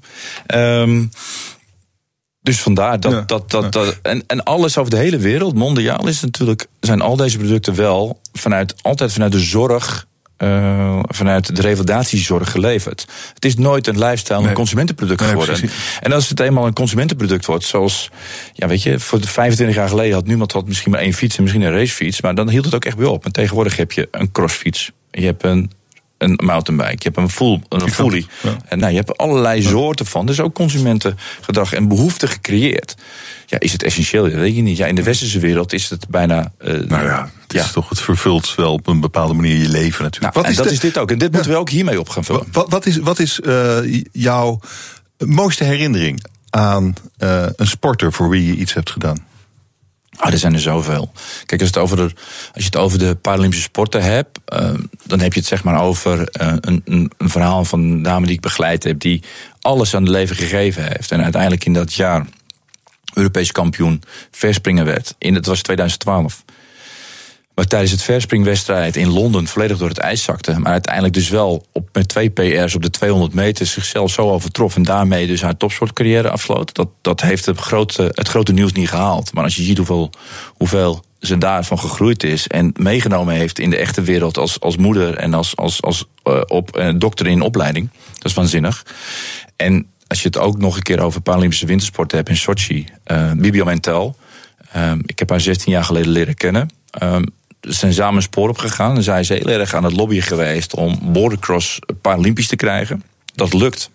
Wat is dat ook weer? Bordercross. Ja. Uh, dat is zeg uh, maar met, met vier crosses in één baan. Uh, mm. Snowboarders of skiers. En dan heel parcours af, kombochten, sprongen maken, rollers maken. En uiteindelijk degene die het eerste beneden komt wint. Heerlijk, heerlijke sport. Ja.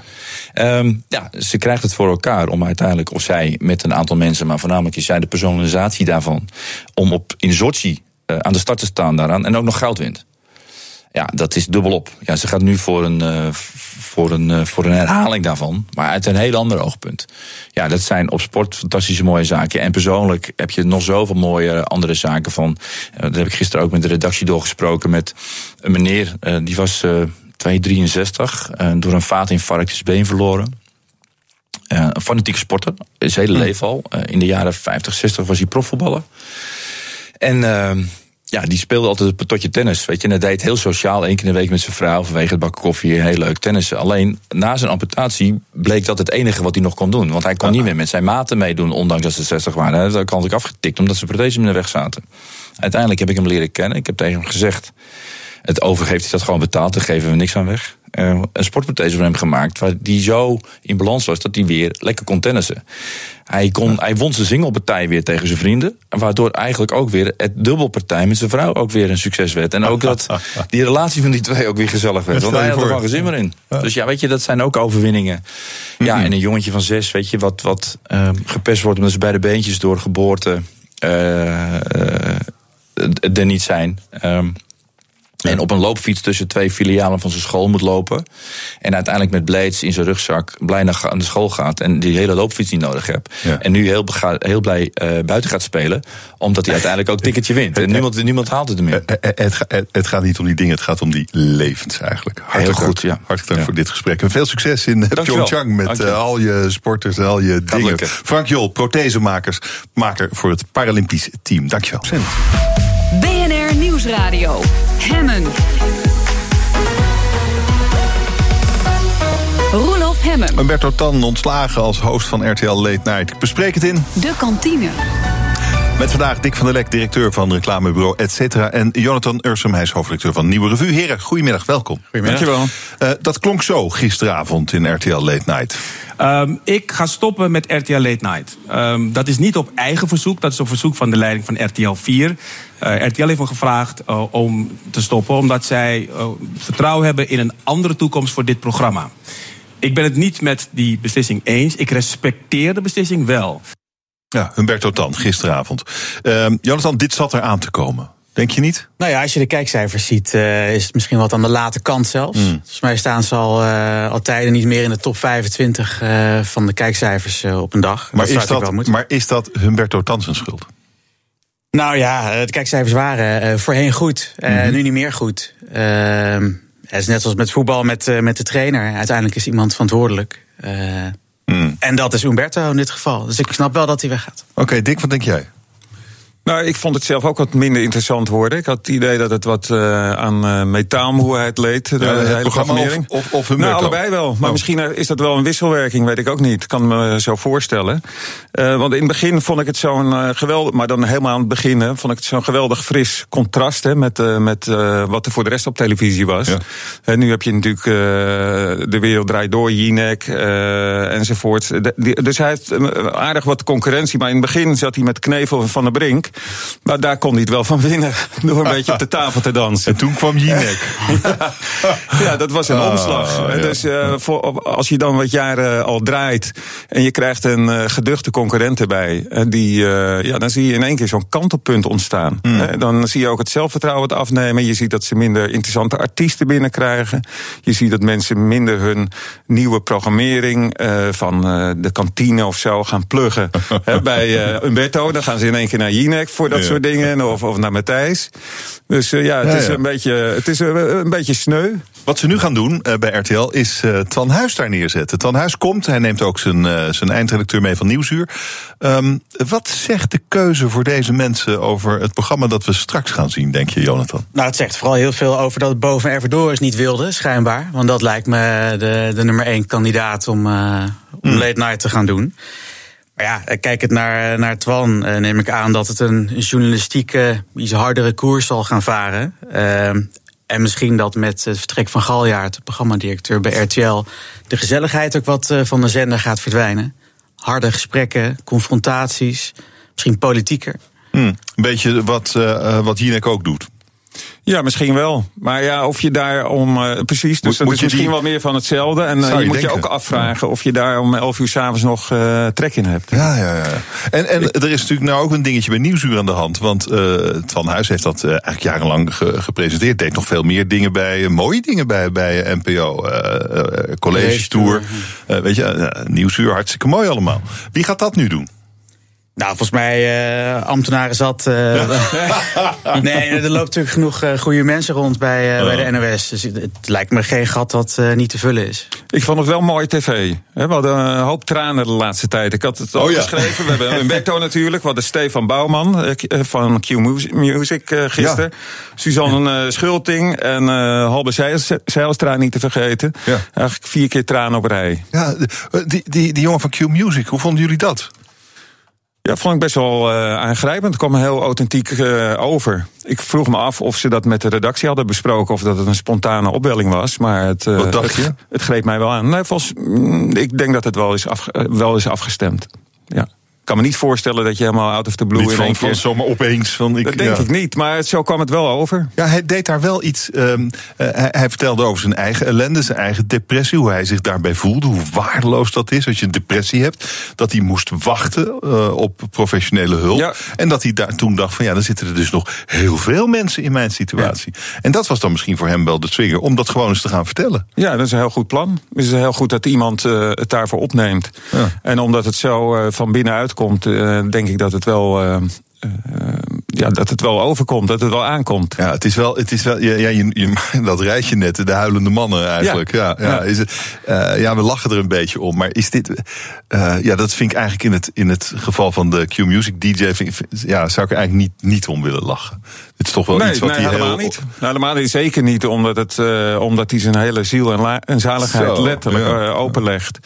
En uh, ik ken ook wel mensen die hier last van hebben. En ik weet hoe dominant dat soort aandoeningen zijn. Hè? Als je, wat, we hadden net iemand met protheses, wat ook geen kleinigheid is. Maar ik denk dat men dat heel indrukwekkend vindt vanzelf. Maar dat als er dingen in je hoofd zitten, dat, ze nog, dat mensen nog wel eens denken van... nou ja, dan neem je een pilletje of even, even uitzitten die rit... en dan is het allemaal weer over. Terwijl het voor die mensen alles domineert. Ja, en misschien wel goed dat zo'n, zo'n, zo'n nou ja, misschien wel een rolmodel... als een populaire DJ ja. dat nou gewoon gaat zitten vertellen. Ja, het is wel goed. Het is ook heel dapper ja. van hem. En ik denk dat mensen, uh, nou, van uh, radio, uh, persoonlijkheden... maar ook op tv, dat mensen verwachten dat je altijd maar, maar leuk doet... of nou, een beetje goed weerspeelt. Uh, maar als het in je hoofd niet goed zit, uh, dan moet je dat wel kunnen opbrengen om elke dag maar weer te doen. Dus uh, ik vind het heel dapper van. Het leven is niet altijd leuk. Nee, dat, heeft hij, dat, dat, heeft hij verteld. Ja. Um, de, er is iets aan de hand in de Verenigde Staten. Dus er, we hadden de, de schietpartij in Florida een tijdje geleden. 17 kinderen doodgeschoten. we hadden de reacties daarop van andere kinderen. Die zeiden tegen politici: bescherm ons nou eens een ja. keer. in plaats van steeds maar te zeggen hoe erg het was. Doe wat. nu zijn er twee grote warenhuisketens in de Verenigde Staten die de leeftijd waarop je een wapen kunt kopen hebben verhoogd. Van 18 naar 21. Uh, je zou zeggen, nou, misschien een, heel genuanceerd uh, detail. Maar dit zegt misschien toch wel wat in het Amerika waar de NRA natuurlijk als wapenlobby waanzinnig machtig is. Ja. Wat zegt jou dit, Jonathan? Nou, eigenlijk niet zoveel. Ik vind het een beetje oh, symboolpolitiek. Wel, ja? een beetje halfslachtig. Alsof het dan wel oké okay is dat je vanaf je 21ste mensen neerschiet. Kijk, aan wapens thuis of op school heb je niks. Uh, dus verkoop ze gewoon niet. Het lijkt mij gewoon niet zo moeilijk. Maar in Amerika is dat geen optie op dit moment. Ja, uh, weet ik. En maar deze vanaf ketens 21 doen wat, jaar maakt dat. Het, het is misschien een signaal wat ze willen afgeven. Uh -huh. Maar ja, het is ja, gewoon een deal die ze met de gemaakt hebben. Wat wel interessant is, hè, de vraag is wie kan dit keren? Hè? Obama kon het niet keren, niemand kon het keren. Ja. En uh, het blijft natuurlijk idioot hè, dat je wel een biertje kan krijgen. Uh, of dat je pas een biertje kunt krijgen op je 21ste. Ja. Maar semi-automatisch wapen, dat pak je gewoon al op je 18e. Als je het wil, uh, per post bezorgd wil hebben, kan het ook. Dus dat blijft idioot.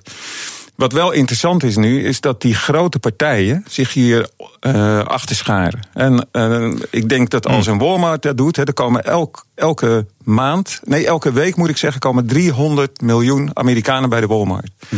Dus dat heeft uh, invloed. En dan, ik denk als andere bedrijven zich erachter schijnen, een groot aantal hè, die nu geen kortingen meer verleent aan, aan uh, NRA-leden. Uh, want die krijgen korting van creditcardmaatschappijen, van verzekeringsmaatschappijen enzovoorts. Dat stoppen ze allemaal mee. Dus er zou een beweging kunnen ontstaan, een beetje MeToo-achtige ketenreactie. Ja, waarbij bedrijven zich bundelen, waarbij de jeugd dat eigenlijk aanwakkert. Hè, want het komt nu van onderuit. En waarbij er een, een soort ketenreactie zou kunnen ontstaan. Ja, misschien is toch iets, uh, toch iets gaande. Uh, ander verhaal is het sponsorschap van schaatsen- en wielerploeg Lotto NL Jumbo. die moet het gaan stellen zonder Lotto NL.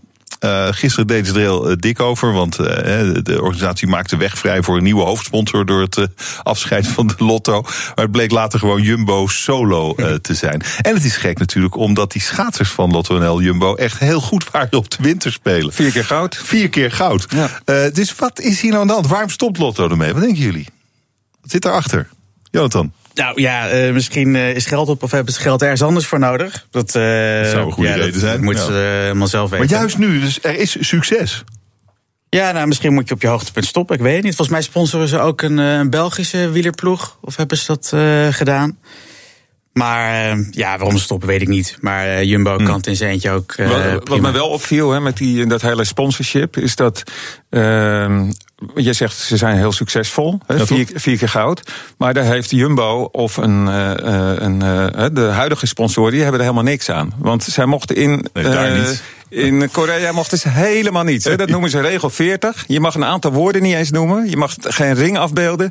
Je mag als sponsor, als je sponsor hier bent, van je eigen schaatsen, die mag je nog geen felicitatietweetje sturen. Nee. Zo streng is het. Oh, Hele okay. hoge boetes. Ja. Oké, okay, dus, je, de, maar dus okay. de opbrengst, hè, misschien is dat een beetje antwoord op je vraag. Ja, misschien ja. dat de opbrengsten groter leken dan ze waren. En dat je bij zo'n Olympische Spelen nu voelt dat er toch heel veel beperkingen zijn om daar ook weer revenue uit te halen. Ja, dus het levert eigenlijk gewoon te weinig op, zijn hele zakelijke beslissingen. Zou kunnen. Zou kunnen. Waarom gaat Jumbo dan wel door? Die hebben misschien diepere zakken, ik weet het niet. Hm. Wat kan Jumbo doen nu met het, uh, met het succes op wat langere termijn? Kan, kan je op ooit dat Olympische succes als sponsor uh, benutten? Um, nou, dat, dan moet je heel slim zijn. Dan moet je of hoog, hoofdsponsor worden van de Olympische Spelen. Maar dat is niet te betalen. Dat is eigenlijk alleen weggelegd voor de internationale merken als Coca-Cola en zo. Of je moet beren slim zijn. Hè. Die, die, het champagnemerk Mum, ja. die hebben uh, uh, met Usain Bolt een geweldige truc uitgehaald. Want die Usain die heeft gewoon in een online filmpje iedereen uitgedaagd, alle Olympische sporters. Als jij op het podium mijn beweging maakt. Uh, dan stuur ik je een Magnum uh, van het merk Mum op. En dat hebben ze allemaal gedaan. Die hebben allemaal die flessen gehad. de foto met die. En dat kleine champagne merk Mum, die heeft, uh, die heeft geen cent betaald. Dus het kan wel, maar je moet wel. ja, ja, wie, niet, wie niet rijk is, moet slim zijn. Ik zit even aan de Jumbo te denken. Wat zouden die kunnen doen als, om, om beren slim te zijn? Heb ja. jij een idee, Dick? Reclameman. gratis, gratis rondje boodschappen doen. Ja. Yeah. Woningcorporaties verdienen flink aan de sociale huurwoningen. Om, nee, niet omhoog, omlaag met de huur, zegt de woonboek. BNR Nieuwsradio. Je luistert naar de kantine. We hebben het over het nieuws van de dag. Gaat Jurgen straks ook doen uh, in Ask Me Anything. Waar gaat het over? Nou, we hebben weer corvée met z'n allen, namelijk de belastingaangifte. Gisteren hadden we het over de WOZ-waarde en de bijbehorende OZB. En vandaag gaan we het hebben over de gewone belastingaangifte die we allemaal moeten doen. Ik bedoel, we moeten allemaal onze jaarlijkse bijdrage weer doen. Of we tenminste aangeven uh, om in het vijfde beste land ter wereld te mogen wonen. Ja, met liefde, toch? Met liefde doen we dat dus ook allemaal. En vandaag kan je dus alles vragen over boksen, tarieven, fiscale partners, formulieren. Nou, je weet het allemaal wel. Uh, ik heb iemand die het voor me doet. Ja. dat is veel makkelijker. Ik wilde altijd accountant worden, nu heb ik één. Dat is echt veel leuker, geloof me maar. En um, ja, dus de mensen kunnen vandaag alle vragen stellen over de aangifte van particulieren, maar ook over de aangifte van bedrijven. Want we hebben ah. iemand hier uh, van de Nederlandse Orde van Administratie en Belastingdeskundigen. En we hebben iemand uh, gespecialiseerd ook van het FNV. Het probleem schijnt, te zijn, uh, las ik in de krant vandaag, het is te moeilijk om online aangifte te doen. Iedereen houdt halverwege op. Maar aangifte online is bij de politie onmogelijk, bij de belasting onmogelijk. We moeten gewoon ophouden met, met aangifte doen. Dat is het enige wat ik kan zeggen. En het is, het is ook heel raar, want weet je, we hebben jarenlang hebben we de, de spreuk van de belastingen leuker kunnen we het niet maken. Maar ik vraag me af, van, kunnen ze het echt uh, niet leuker maken? Nee, en kunnen ze het enige keer makkelijker maken? Dus, uh, nou, al je vragen mag je vragen stellen via Twitter, BNR, via Facebook. Je kan me natuurlijk altijd whatsappen, dat nummer vind je op bnr.nl. Of je mag even een mail sturen naar askme.bnr.nl. Maar het leukste, Roelof, dat weet je zelf. Bellen. Gewoon bellen 020 468 4x0 en stel je vraag dan live in de uitzending. Het gaat over belasting. Ja, leuker kan ik het niet Lachen maken. man. Ja. Te veel plezier zo meteen. Ask Me Anything vanaf twee uur op deze zender. Wij praten verder in de kantine. Vandaag zijn hier eh, Jonathan Ursum, hij is hoofdredacteur van Nieuwe Revue. En Dick van der Lek, hij is directeur van reclamebureau et cetera. Eh, woningcorporaties maken gemiddeld 1500 euro winst per jaar op een huurwoning. Blijkt uit cijfers van de Woonbond. De Woonbond zegt nu de huren moeten omlaag. Want zeggen ze, er komen steeds meer sociale huurders in de knel. Ehm, dit is de Woonbond. Niet helemaal onverdachte bron natuurlijk. Want eh, op de hand van de huurders zou je kunnen zeggen. Maar eh, wat is hier aan de hand? Mag, ma- mag een woningcorporatie wel of niet 1500 euro per woning verdienen? Nou ja, kijk, ze hebben natuurlijk uiteindelijk ook geld nodig om eh, woningen op te knappen en nieuwe woningen te bouwen. Dus eh, het lijkt me hartstikke goed dat ze daar, eh, daar winst mee maken, zolang ze dat maar investeren in nieuwe woningvoorraad. Het schijnt dat dat er al af is. Ja, las ik ook. opbouwen ja. van die reserve. Dus dit is gewoon, dit is gewoon de winst. Nou ja, eh ja, daar moeten ze toch wel gewoon eh, huizen van bouwen? Precies. Ja, zeker. Ja. Ja, Maar dat, lijkt me hun taak, toch? Voor, eh, voor een Meer redelijke huizen. Er prijs. is een enorme behoefte. Ja. Nou, Ja, maar klaar. het is best wel een idioot bedrag, hè? Want het- ik las dat het 3,3 miljard is, hè? Wat ze nu, eh, wat alle coöperaties bij elkaar eh, even aan winst maken. En daar zit de waardestijging van de huizen nog niet bij.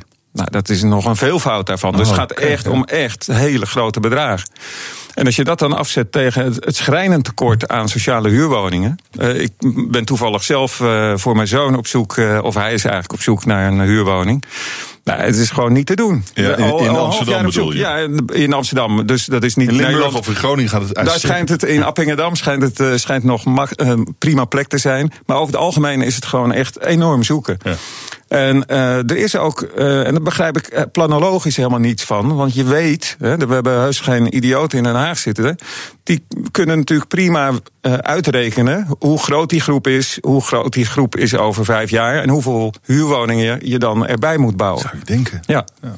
Het is wel zo. eh, ik had hier van de week was de toezichthouder eh, van de woningcorporaties hier. En toen hadden we het ook over waarom wordt er nou niet gebouwd en hoe, hoe is de fi- financiële situatie van die, van die woningcorporaties. Toen zei hij, nou in de, in, de, in de krimpgebieden is het eigenlijk wel, daar hebben ze geld. Maar in de gebieden zoals Amsterdam, waar heel veel eh, behoefte is aan woningen, daar hebben ze geen geld. Dus eh, hij zei, al dat geld uit de krimpgebieden zou eigenlijk wel kunnen gaan naar de gebieden waar, dat, waar het hard nodig is, waar gebouwd moet worden. Ja.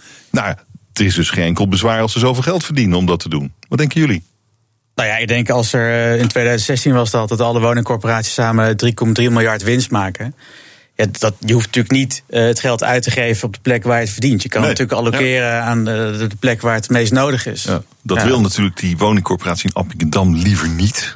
Vermoed ik Die zo. houdt het liever zelf. Ja, de vraag is in hoeverre er een koepel is boven al die corporaties. Die kan zeggen van nou, we gaan dat geld daar inzetten waar het nodig is. Ja, dus ik vond het een En dat, interessante volgens mij heet zo'n koepel een overheid. En eh, blijkbaar eh, laat hij dat na. We hebben een minister van Wonen. Een prima minister volgens mij. Nou, dat lijkt me een hele schone taak om, eh, om deze schaarste op te lossen. Dus eh, eh, jouw optie is dan niet de huren verlagen. Nou, die huren verlagen, ja, ik weet het niet. Je, het is een financieel systeem. Dus op het moment dat er schaarste is, zul je altijd zien dat eh, eigenlijk dingen alleen maar duurder worden. Nou, dit is een sociaal Maar- systeem. Ja, tuurlijk. Maar dat, moet, dat geld moet wel ergens vandaan komen. Ja. Dus eh, je, moet, eh, je kunt het niet allebei. Je kunt niet en verlagen en dan heel veel nieuwe woningen bouwen. Maar misschien kan het wel. Hè. Nu de, de waardestijging zo groot is, is er misschien wel voldoende fondsen om allebei te doen. Ander verhaal. Eh, ambtenaren in, in Den Haag, de gemeente Den Haag, zijn verplicht aan het gamen geslagen. Wat ze doen is, eh, eh, ze spelen een spelletje dat heet Gegevens weg, vraagteken, om te kijken hoe goed ze op de hoogte zijn van de regels rond gegevensbescherming, privacy en veiligheid. Heeft natuurlijk te maken met die, met die nieuwe wetgeving die eraan komt zit te komen. Die, die, die, die wet gegevens, ja, Ja. De, de, de, hoe heet het in het Nederlands, de AVG, de Algemene Verordening Gegevensbescherming. Ja, en dan gaan ze een spelletje doen. Wat moet je doen als de gegevens kwijt zijn? Uh, ik dacht, dat is best een beetje gek. En een beetje zorgwekkend ook. Nou, ik las ergens uh, in een nieuwsbericht uh, dat bij de gemeente Den Haag zo'n 7500 ambtenaren werken. En dat die eigenlijk best wel prima op de hoogte zijn van, uh, van wat de regels zijn en wat ze moeten doen als een. een datalek. Ja, een datalek is met, met persoonsgegevens van burgers. Maar dat juist de managers die dan uiteindelijk die melding krijgen, dat die niet goed weten wat die met, met die melding moeten. Moeten ze dat ergens melden? Of kunnen ze dat zelf gaan oplossen? Of moeten ze iemand van IT bellen? Uh, dus het lijkt me juist iets wat die uh, ambtenaren zelf prima wel weten. Alleen die managers die daar een trapje boven staan, uh, dat die misschien wat meer kennis nodig hebben. Ja, maar jij bent hoofdredacteur van. jij bent ook manager in een onderneming. Ik ben manager. Heb ja, jij maar... enig idee? Heb je enig idee wat je gaat doen bij een datalek? nee, ja, geen idee. Maar het, een datalek bij de gemeente kan zelfs zijn dat een, een, een belangrijke brief naar het verkeerde adres is gestuurd. Dan moet je het al melden. Oh, oké. Dus het zijn ook best wel hele kleine dingen. Het is niet dat een groep Russische hackers uh, op de nee, server het, het zijn allerlei dingen. Ja, het is heel hele saaie kost. Dat moet je je wel voorstellen. Ja, maar het is wel belangrijk. En, je geld kost en je moet het heel doet. Ja, die, die, die, die boetes, meen ik, die waren tot uh, niet zo lang geleden bedroegen die uh, maximaal 800.000 euro. En dat is voor hele grote bedrijven nog steeds heel veel geld. Maar wel te doen.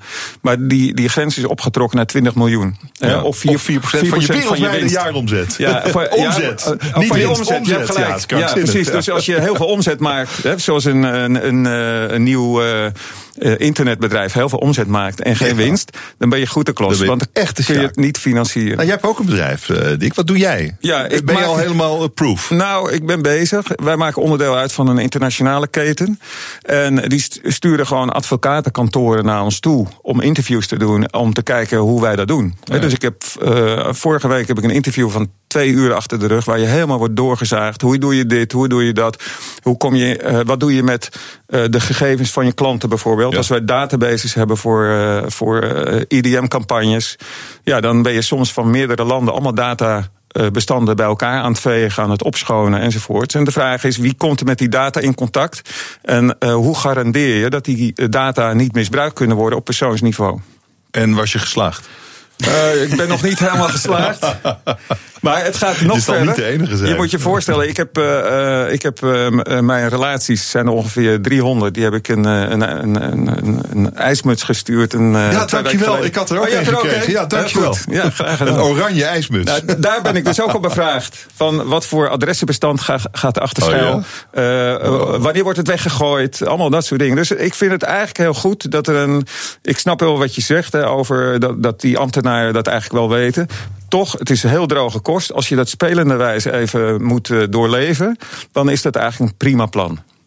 Oké. Okay. Ook voor de ambtenaren. Oké, okay, oké. Okay. Ja. Maar je moet er wel even doorheen dus de komende ja, tijd. Juist... Je, hebt, je hebt nog maar weinig tijd. Hè? 25 mei moet je het echt helemaal tipt in orde ja, hebben. Ja, nou, dat, uh, ze beginnen niet direct oh. met die 20 miljoen boete. Oh, oh oké. Nee. Gelukkig.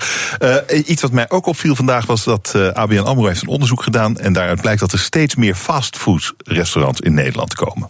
En ik, toen dacht ik, dat is een beetje tegen de trend in. We zijn toch allemaal met, met vegetarisch, veganistisch en allemaal gezond en goed. Ja. Fastfood is dat doorgaans Zou je niet? denken? Nee, fastfood kan ook uh, gezond zijn. Fastfood is gewoon iets wat je snel, uh, wat kant en klaar voor je georganiseerd wordt. Denk je dat daar de uitbreiding in zit? Ik denk het wel, ja. Dat, in het rapport van ABN las is dat uh, het zijn vier traditionele eetmomenten. Dat was altijd zo. Tegenwoordig zijn het er zes. Dus dat betekent gewoon dat je op een station even gauw iets wil meepakken. En ik denk, ik neem aan dat ze dat ook als fastfood beschouwen.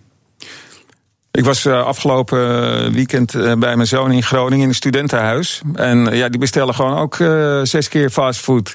dus die, nee, zes maar die, keer elke dag, elke dag van de week. Die, die stude, de, de, je, je hebt wokmaaltijden voor 6 euro, dus daar valt niet tegenaan te koken. Dus Ah, die, heel veel studentenhuizen. En ik denk ook door de woningnood, microwoningen, woningen zonder keuken of met een heel klein keukentje. Ik denk dat het uiteindelijk soms heel handig kan zijn om voor elk wisselwasje gewoon een koerier te bestellen met een, uh, met een, een uh, maaltijd, uh, een wokmaaltijd of wat dan ook. Ja, ja. wat vind je ervan als vader, Dick? Nou, Doe ik maar, heb, jongen. ik Goed ontdekte, voor je. Ik ontdekte een stukje komkommer, dus voorlopig zitten er nog vitamines bij. Ik moet de kantine dichtgooien. Helaas, dank dat jullie er waren. Dick van der Lek, directeur van reclamebureau et cetera. En Jonathan Ursum, hoofdredacteur van de Nieuwe Revue. Dank jullie zeer. Dit was het voor vandaag. Morgen ben ik er natuurlijk weer met de deep dive in het nieuws. heb ik een bijzondere gast, namelijk Alexander Italianer. De Nederlandse secretaris-generaal van de Europese Commissie. Hij gaat met pensioen gaan met hem praten over zijn leven in de coulissen van de macht. Dat morgen. Nu Jurgen Ruijman met Ask Me Anything. Dag.